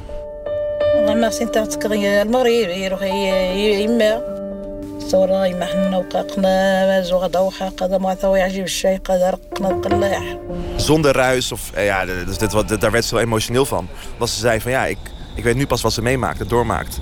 Omdat je het serieus neemt, zeg maar. En dat is in de documentaire denk ik ook wel dat dat, dat centraal staat. Haar stem eh, zonder ruis. Ik ga wel graag mee met mijn moeder mee naar bruiloften en, en partijen. En dan ben ik de koning der feesten. De dansbaron, de entertainer, de kleine onbezorgde jongen die weet wat genieten is. Eh, bij ons zitten de vrouwen en de mannen gescheiden. En ik zit wel graag met mijn moeder bij de vrouwen. Gewoon omdat het leuker is. Omdat het gezelliger is. Al die vrouwen, al die vrouwenliefde. Elkaar beter leren kennen. Zeg maar, dat is de basis. En dan, als je elkaar goed kent, als je elkaar beter kent, dan kun je in gesprek gaan over ideologieën of over politiek of over grote thema's. En dat doen we niet meer. We leren elkaar niet kennen. Nou ja, eh, eh, en dat is volgens mij waar het begint. Gewoon elkaar wat beter leren kennen en verhalen vertellen die daartoe, die dat oproepen. Van, oh ja, ik, wil deze, ik vind deze persoon interessant. In 2015 sluit de verhalenverteller af met twee keer een uitverkocht carré. Ook nu merkt hij dat er een grote vraag is. Abdelkarim heeft een verklaring voor de honger naar dit soort verhalen. Nou ja, enerzijds is het thema natuurlijk heel interessant. Het gaat over vaderschap, moederschap. Die eerste generatie die is gewoon aan het uitsterven. Die lopen echt op hun laatste benen. Dat, is heel, uh, dat ligt heel gevoelig. En dat is heel pijnlijk enerzijds. Maar tegelijkertijd willen we het ook ergens vieren. Dat, dat, dat onze ouders die stap hebben gemaakt om hier naartoe te komen. Want daardoor hebben wij nu dit leven en deze kansen. Dus het is ergens een ode, maar het is ergens ook gewoon een, een soort van afscheid van die mensen. Dat is denk ik een deel van het succes. Tegelijkertijd denk ik van dat het medielandschap in Nederland heel lang niet naar deze verhalen heeft omgekeken. Mijn moeder, die haar moeder en haar oma verzorgde bij ons thuis tot ze het leven lieten. Mijn moeder, die nachtdiensten draait in het hospice. Het ging altijd over, de, over het problematiseren van nieuwe, nieuwe mensen in Nederland. En dit is een soort van viering. Het is een, een liefdevolle avond. Het is een warm bad. Mijn rol is die van de oppeppen. Ik stel haar gerust. Ik bereid haar voor. En ik maak haar vrolijk de foto's te maken van een bloementuin... en leid haar af met gezellige autoritjes. En dat maakte dat mensen drie, vier keer, vijf keer terugkomen. Dat is echt gebeurd. Dus er zijn mensen naar de try-outs geweest en die komen nu weer met de familie. En die zeggen van, en we komen ook weer in Amsterdam. Dus die komen ook weer voor een derde keer. Nou, dat is het grootste compliment wat je kunt krijgen, denk ik, als maker. Wat als ik haar kwijtraak? Wat moet ik dan doen? Ze is mijn Achilleshiel. Je kunt nog zo'n sterke, stoere macho man zijn. Maar als er iets met je moeder is, dan ben je niks meer. Het zijn echte verhalen. Uh, mensen die zich kwetsbaar opstellen. En uh, wat is dus kwetsbaarder dan uh, ja, een verhaal vertellen over hoe jij je verhoudt tot je ouders en je omgeving. Stel jij je ook kwetsbaar op? Ja, ik durf wel te zeggen dat ik dat doe. Alleen al door je ouders te interviewen. En vooral in onze community, in de Marokkaanse gemeenschap... is het niet heel bruikbaar dat je je ouders zo centraal stelt en op de voorgrond zet. En ze vragen stelt over de liefde, over hun angsten en dromen. Uh, die verhalen zijn altijd naar de achtergrond uh, gedrukt. Omdat het altijd ging over, over het gastarbeiderverleden. Daar blijf ik ver vandaan, want dat is voor mij een gepasseerd station. We zijn hier nu, derde generatie. Dus voor mij wordt het tijd om ook de menselijke kant te laten zien van deze mensen.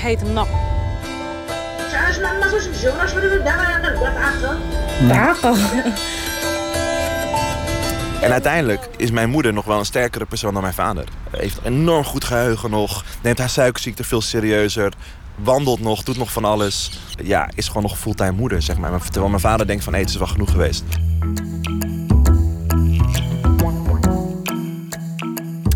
De voorstelling toen Ma naar Mars vertrok, is, uh, die gaat uh, van donderdag 7 oktober aanstaande in uh, première in Rotterdam in het Luxor Theater. Woensdag is het 25 jaar geleden dat uh, de Belmerramp plaatsvond. Zometeen uh, zit hier uh, Konrad Kosselek, die met zijn band zal optreden tijdens de herdenking van die ramp. We gaan luisteren naar een fragment uit een voorstelling die hij maakte: Echo's van de Belmerramp. Hij gebruikte daarvoor telefoongesprekken die die avond, 4 oktober 1992, binnenkwamen bij de meldkamer.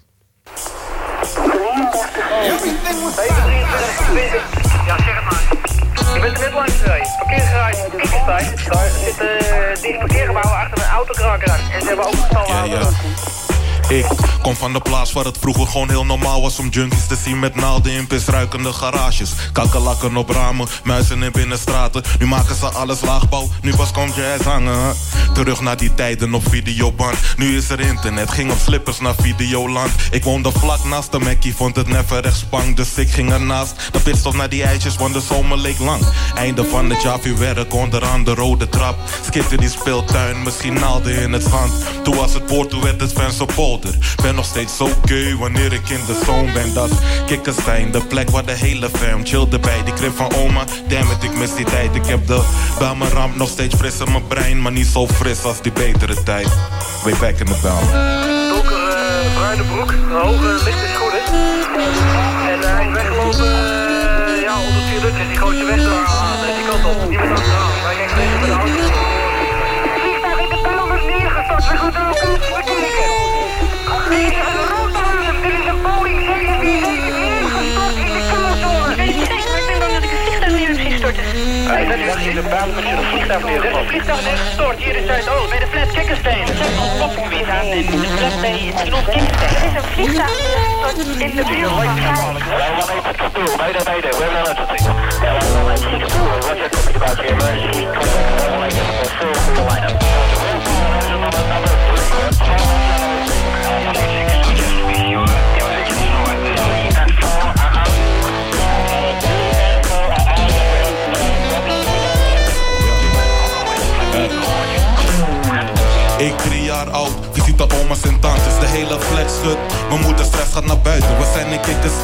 Zit het in de woonkamer, moeder naar binnen schreeuwt, er ligt een vliegtuig in de flat naast ons. Ik ren en spring, ik duik in de kamer. Rol onder het bed, iemand komt me halen. Steek de hand uit, zegt alles komt goed. En daarna werd het wazig, want ik heb gaten in mijn geheugen. Maar denk aan de nabestaanden, want dit gaat niet om jouw trauma's. Dat weet je van, ik hou van je zeggen op rampdag. En later niet kunnen praten, het is zo zonde. Een rookwallet die zich vonden, werd zo donker. Ik bid voor je, sorry.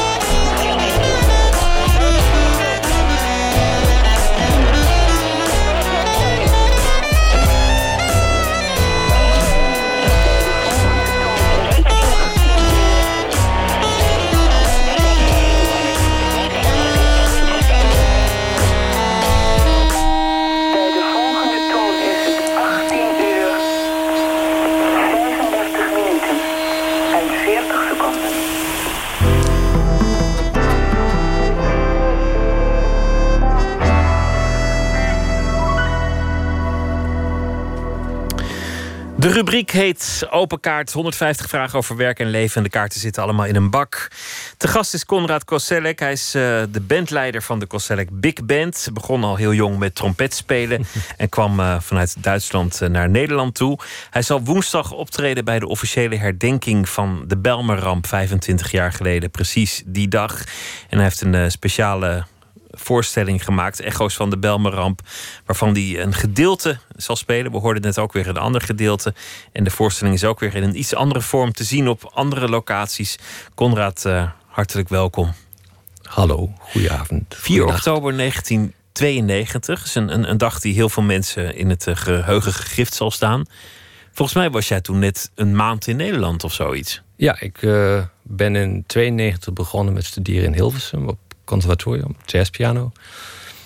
En letterlijk 4 oktober was de eerste dag waar dan een gebeurtenis van nationaal belang eh, ook bij mij eh, aandacht trekt en, en ook schokkeert in de zin van ja, eh, wat vreselijk dat dat gebeurd is en dat, dat onvoorstelbare gebeurt.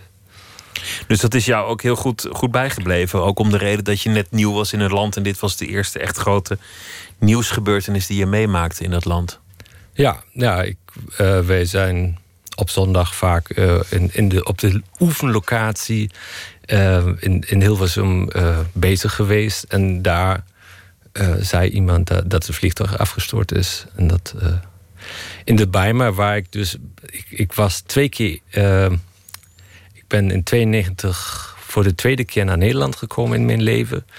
Voor de open dag in Amsterdam. En daar heb ik bij een vriend in de Bijma geslapen. Dus ik wist ook hoe de structuur van de Bijma is. Wat voor mensen daar wonen. En, en hoe, het eruit zag met, met, de, met die hoge huizen. Met de flats. Nu, eh, die, die, die voorstelling. Jullie gaan optreden ook tijdens de officiële herdenking. Dan gebeuren ook andere dingen. Hoogwaardigheidsbekleders zullen daar wat zeggen. Eh, nabestaanden zullen daar eh, spreken. Wa- wat gaan jullie allemaal doen? Wat voor voorstelling wordt het? Nou, eh, we doen een kleine bijdrage aan de herdenking. En daar gaan we ons echt richten op, eh, op eh, liederen uit de traditie van de Ghanese en de Surinaamse gemeenschap. Die ik met mijn club geleerd heb van, van een Ghanese drummer, en, Kofi Ayewoor. die ja, echt een meesterdrummer is, die sinds de jaren tachtig in de, in de Bijma woont. Eh, en Osibisa lid was eh, voor de wereldmuziekvrienden. Eh, en van een bazuinsaxofonist uit Suriname, wiens opa gewond geraakt is tijdens het vliegtuigramp, tijdens de vliegtuigramp. Phil Stewart, die dus met, in de traditie van ehm, nou ja, op, beg- op heel veel begrafenissen speelt. Met, met altsaxofonen spelen ze hymnes eh, in, in de kerk.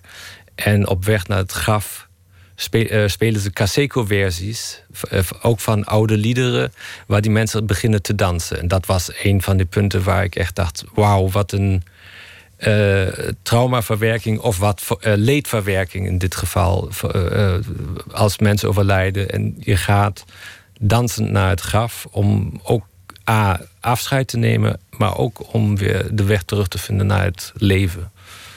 Een muzikale ontmoeting dus ook. In het, in het uitvoeriger programma dat jullie op een aantal andere plekken spelen. eh, Daar gebeuren nog iets meer dingen. Daar komen ook rappers eh, aan te pas. En Ja. eh, dat, dat heeft wat meer de aard van een, van een voorstelling.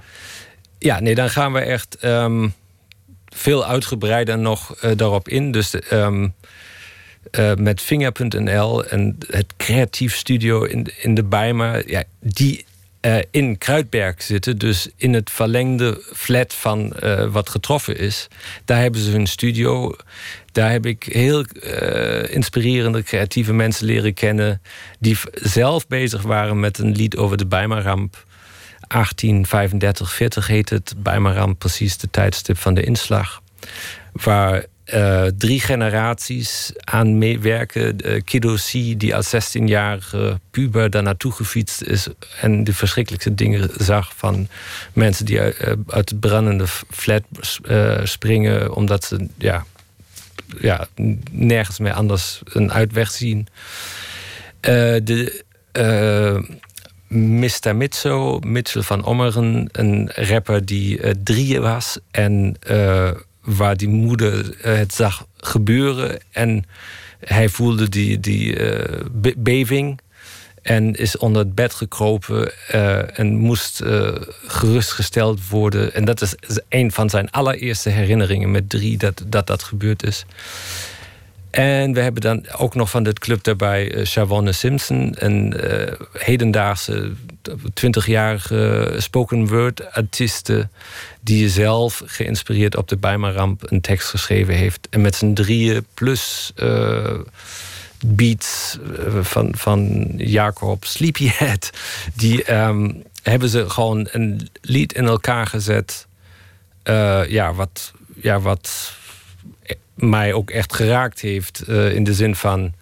Hoe ze, eerste deel is hoe zag het uit in de Bijmer. En het tweede deel is hoe het verandert door de inslag.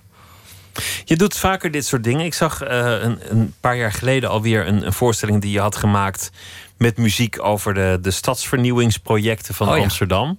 Dat, dat zijn vaak dingen die jij doet. Um, jazzmuziek, maar ook andere muziek. Eigenlijk van alles in huis halen, ontmoetingen. En dan ook een, een verhaal, historisch of anderszins, yes. vertellen. Ja. Dat, dat, is, dat is een vrij unieke vorm. Ik ken eigenlijk niemand anders die dat doet. nou, uh, uniek selling point. nee, maar hoe, hoe is dat ooit ontstaan? Uh, nou, op een heel natuurlijke manier. Um, ik ben zoon van uh, een Duits historicus. En uh, met de paplepel heb ik meegekregen. Nee, inge, hoe heet het dan? Ingegoten gekregen. Ja, in,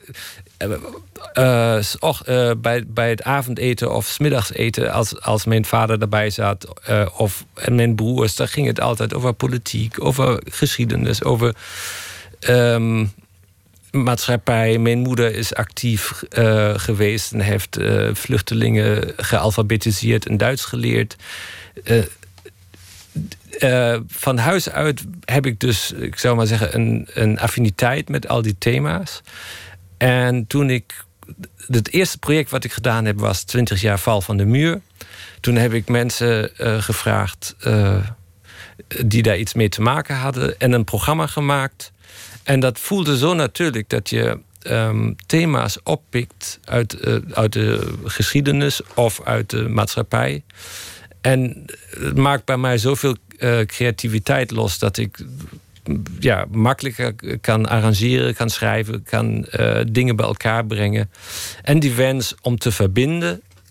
dus ja, dat dat is mij een groot plezier eigenlijk om, om muziek in te zetten, om met te gekke muzici te werken die in dienst van, van ja, zulke projecten openstaan met mij, met, met open hart en open mind, um, ontmoetingen tegemoet gaan. En ontstaat, nou, iemand zei laatst, en dat is heel treffend, dat we een storytelling big band zijn.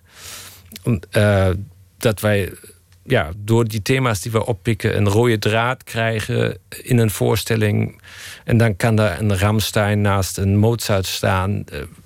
Door een rode draad uh, wordt het publiek meegenomen. En um, ja, dat, dat maakt denk ik het grote verschil met andere big bands of met andere nou ja. Acts of muzikanten sowieso, ja, absoluut. Zullen we beginnen met eh, de vragen? Spannend. Ik- trek, trek een vraag als je wil. Oké, ehm, zo, ik, eh, intuïtief deze. Moet ik. wat wil je later worden? Ehm, het eerste wat mij op, op eh, inschiet is echt kinderachtig lekker beroemd. Beroemd, toch nog? nou ja, ehm, ehm, dat is echt het eerste woord wat mij opkwam. Maar dat ligt volgens mij aan eh, kinderboeken. Waar, Eh, ik, ik heb er laatst iets gelezen wat, wat mooi was. Waar, waar dat gewoon die, die antwoord was. Ehm, later wil ik worden. Ja, ik, ehm, ik wil eigenlijk steeds eh, meer verder leren. Dus ik wil steeds worden. Dus eh, dat is als je later weghaalt, eh, als je groeit en nooit stagneert, dan dat lijkt me het mooiste. Dus ehm, ja, dat ik hier zit, is een, heeft tien jaar geduurd voordat mensen realiseren wat ik doe. Eh, eh, dat is gewoon mooi als dat steeds zo doorgaat. Dus ik heb. ehm, ja, het mooiste zou zijn als ik gewoon door mag groeien en, en dat in goede gezondheid en, eh, en nooit hoef te stoppen met wat ik wil doen. Met ontwikkelen. Laten we nog een vraag doen. Ehm, die eerste. Welke idee heb je stiekem gejat? Oh. Ehm. Ehm.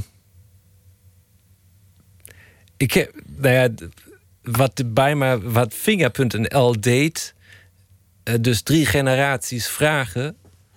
Ehm, en, en dan een lied over de Bijma doen. Dat heb ik echt niet gejat. Dat was er gewoon tegelijkertijd. Eh, en dan ben je zo verbaasd dat het precies dat wat jouw concept, wat jij hebt, dat dat ook aan, waar anders is. Ik denk dat ideeën vrij beschikbaar zijn. En als je daarop intunt, dat, je dan, dat het kan gebeuren dat dezelfde ideeën tegelijkertijd gebeuren. Dus eh, dat voelt soms als jatten of dat iemand anders iets gejat heeft. Maar dat is eigenlijk niet het goede antwoord. Dus waar ik echt heel. eh, eh, ehm, ik heb. Soms transcribeer ik muziek van anderen die, die zo goed is en eh, eh, zet dat om naar big band. Dat voelt eigenlijk niet, ook niet als jatten, maar aan eerbetoon aan, aan eh, grote arrangeurs als. ehm, ehm, ja, nu mijn favoriete arrangeur komt nu niet opploppen. Eh, ehm, maar ja, soms pak je iets van, van andere mensen en dra- draag. eh, ja, maar dat vermeld ik eigenlijk altijd. Of probeer, eh, probeer ik open over te zijn. Ja, jatten, jatten is, is de oneerbiedige versie, maar het kan ook een, een eerbetoon zijn. Het kan ook juist ehm, een verering van iemand zijn dat je een idee overneemt en er daar weer je eigen versie van maakt. Nelson Riddle. Nelson, Nelson, Riddle. Riddle. Oh ja, fantastisch, ja. Ja, ehm, ik, ja, stiekem, ik, ik, hou, ik hou natuurlijk van stiekem, van stiekem grapjes maken. Maar, eh, maar jatten, ehm, ja, daar probeer ik altijd. Ik probeer altijd open te zijn. En, en dat eh, ligt niet zo in mijn natuur, zou ik maar zeggen. Laten we nog een, eh, een vraag doen. Leuk. nu.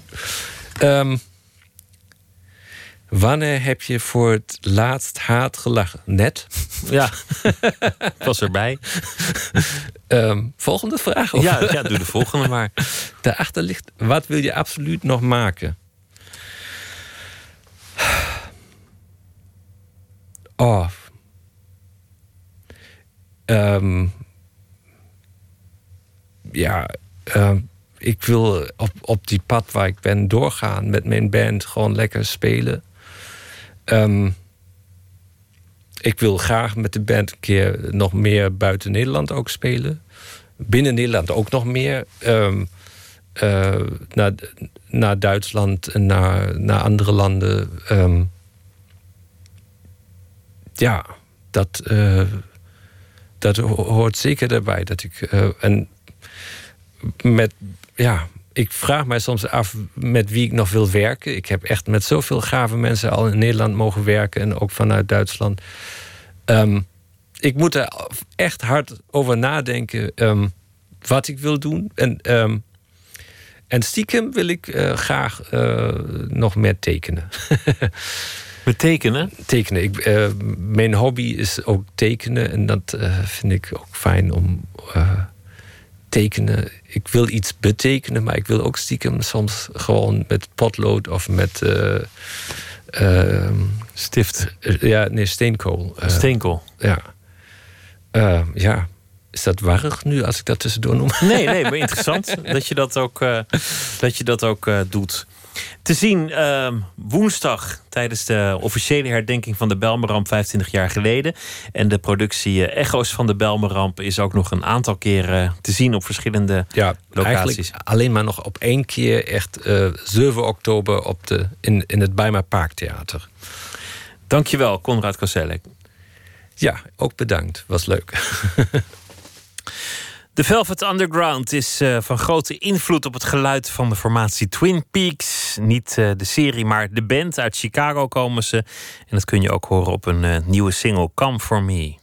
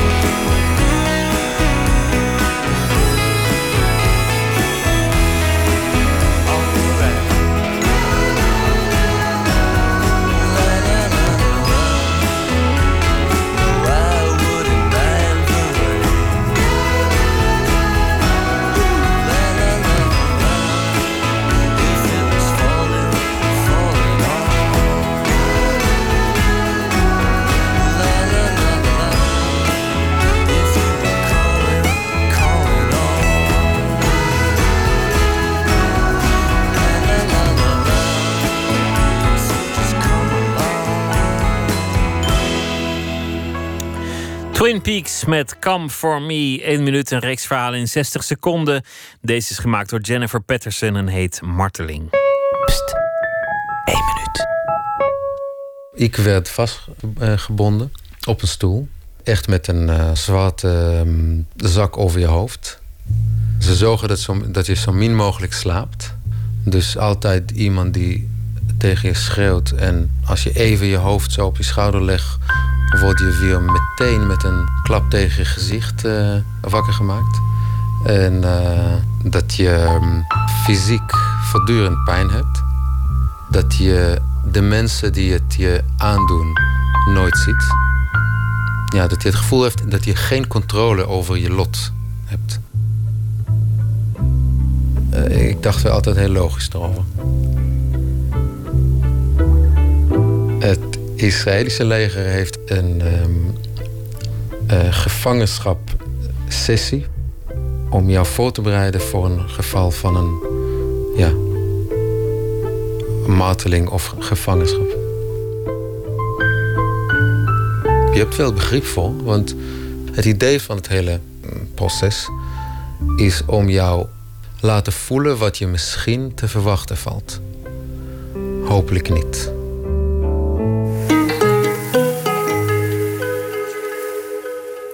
Monier Samuel is deze week onze vaste schrijver. Elke nacht een eh, verhaal bij de dag die achter ons ligt. Monier, goeienacht. Goedenacht. Leuk dat je dat eh, weer doet deze hele week. Ik eh, verheug me er al op. Was er weer Ik een vind het een terug. eer. Mooi. Oh, nou ja, ik, ik vind het een eer dat jij het doet. Ehm, vertel, wat, is, wat heeft je vandaag bezig gehouden? Nou ja, ik dacht, jullie geven me wel weer een lekkere dag om te beginnen. Want een massa-schietpartij eh, in Las Vegas en eh, de Spanjaarden eh, verliezen hun geliefde Barça. Ehm, dus ehm, ik vond het wel weer een mooie samenloop van omstandigheden en ook een erg pijnlijke. Zal ik maar beginnen? Hij heet Revolutiekoorts op de Ramblas. Ga je gang. Wij hebben het recht verworven op een onafhankelijke staat, zo sprak de Catalaanse president Puigdemont afgelopen nacht, die ik bij deze graag tot Barcelona omdoop. Een geruisloze koep, zo zouden we het referendum kunnen noemen.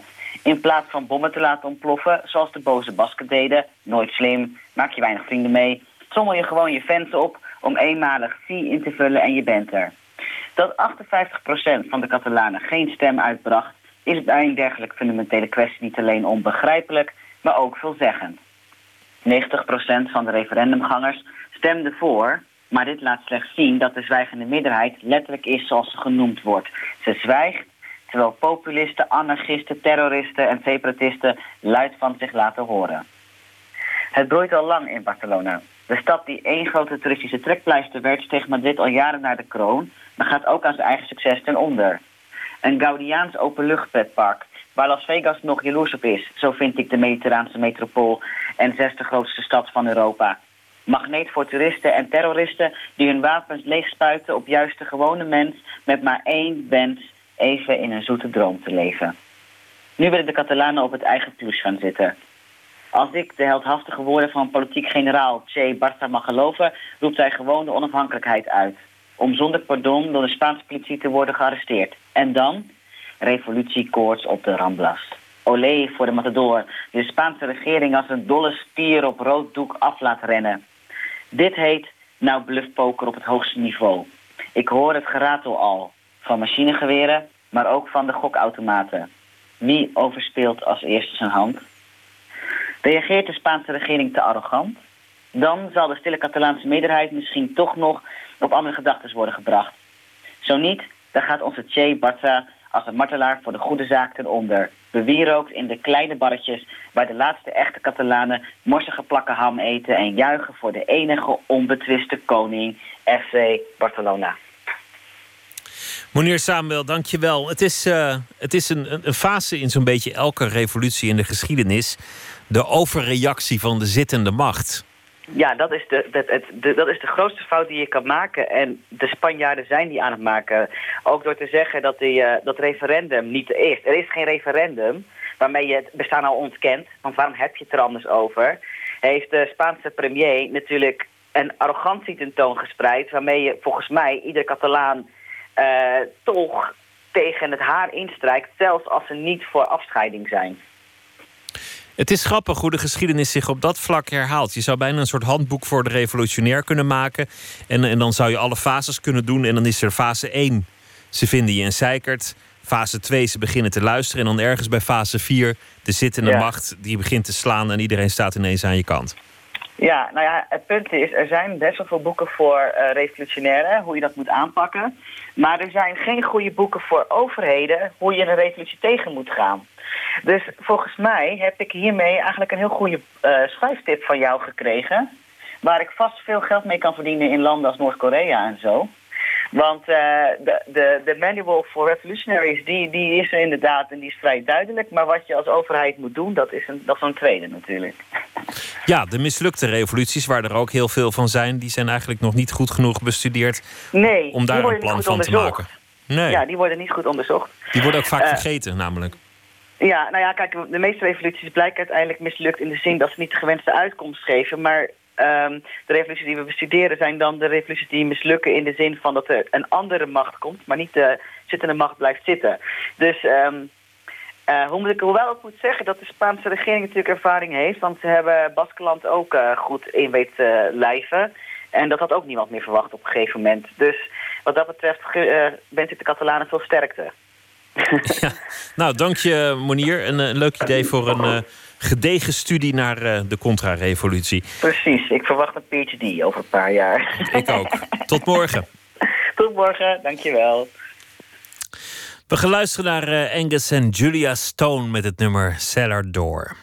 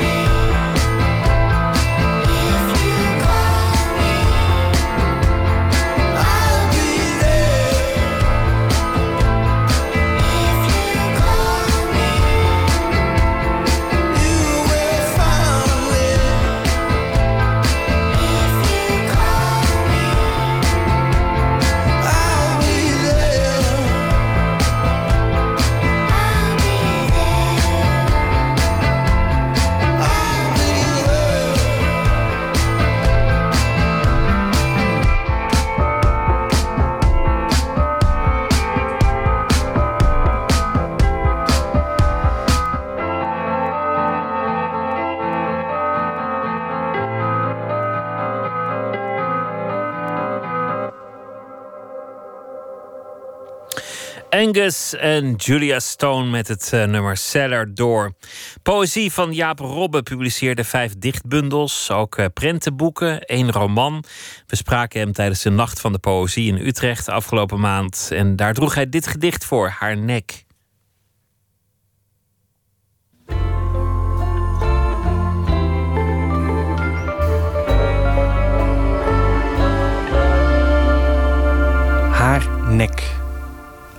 Mijn handen passen precies om de nek van onze poes.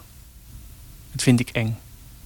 Niet de poes en niet mijn handen, maar dat ze precies om haar nek, dat ik dat weet, terwijl er verder niemand thuis is. En de poes mijn knie vertrouwt, haar pootjes om mijn hand heen vouwt en heel voorzichtig op mijn vinger koudt. Ik uh, vond het als kind vond ik de macht over dieren altijd super eng. Dus het idee dat je. Uh, ik had een uh, aquarium en daar had ik heel vaak nachtmerries over. Dat, en dat heb ik soms nog wel eens. dat ik bijvoorbeeld in de zomer was ik dan helemaal vergeten als we op vakantie gingen om iemand te regelen die dan mijn vissen voerde. Maar ook mijn ouders dachten er helemaal niet aan, volgens mij. Dus dan kwam ik terug en was die bak voor een kwart verdampt. En een paar vissen dood. En en dan goot ik weer water bij, dan, dan deed ik het lampje weer aan en dan eten erbij. En de helft leeft dan toch nog. Waar die van leefde, weet ik eigenlijk ook niet. Maar datzelfde had ik ook met, met de kat. Zo de macht, als er dan niemand thuis was. En ik dacht, ik kan je uit het raam duwen. En dat vond ik zo vreselijk eng. Dat het kon. Dat, dat ja, die, die macht vond ik on, ondraaglijk groot eigenlijk. Ik heb ook een keer, toen, dat herinner ik me nog, was ik wel echt heel klein was mijn vader aan het strijken. En ik zat uh, bij de keukendeur naar de trap en daar liep een mier. En toen had ik mijn vinger echt zo'n vlak boven die mier. En toen zei ik tegen mijn vader: uh, Ik ben een moordenaar. Toen zei hij: Oh, oké. En toen drukte hij die mier dood. Daar heb ik nog steeds wel spijt van. Haar nek. Mijn handen passen precies om de nek van onze poes vind ik eng. Niet de poes en niet mijn handen, maar dat ze precies om haar nek. Dat ik dat weet, terwijl er verder niemand thuis is. En de poes mijn knie vertrouwt, haar pootje om mijn hand heen vouwt en heel voorzichtig op mijn vinger koudt.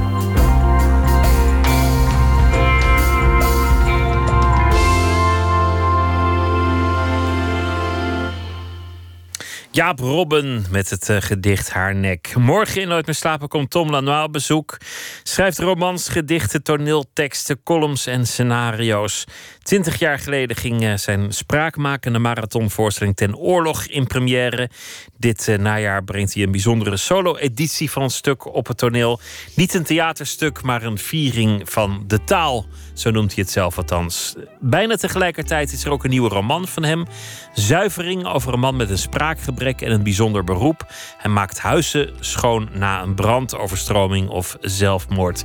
En morgen komt uh, Tom Lanois er allemaal over vertellen in Nooit meer slapen. Dat allemaal morgen. Voor nu wens ik u een uh, hele goede nacht. Zometeen op deze zender kunt u luisteren naar de EO. En uh, wij zijn er morgen weer. Hele goede nacht.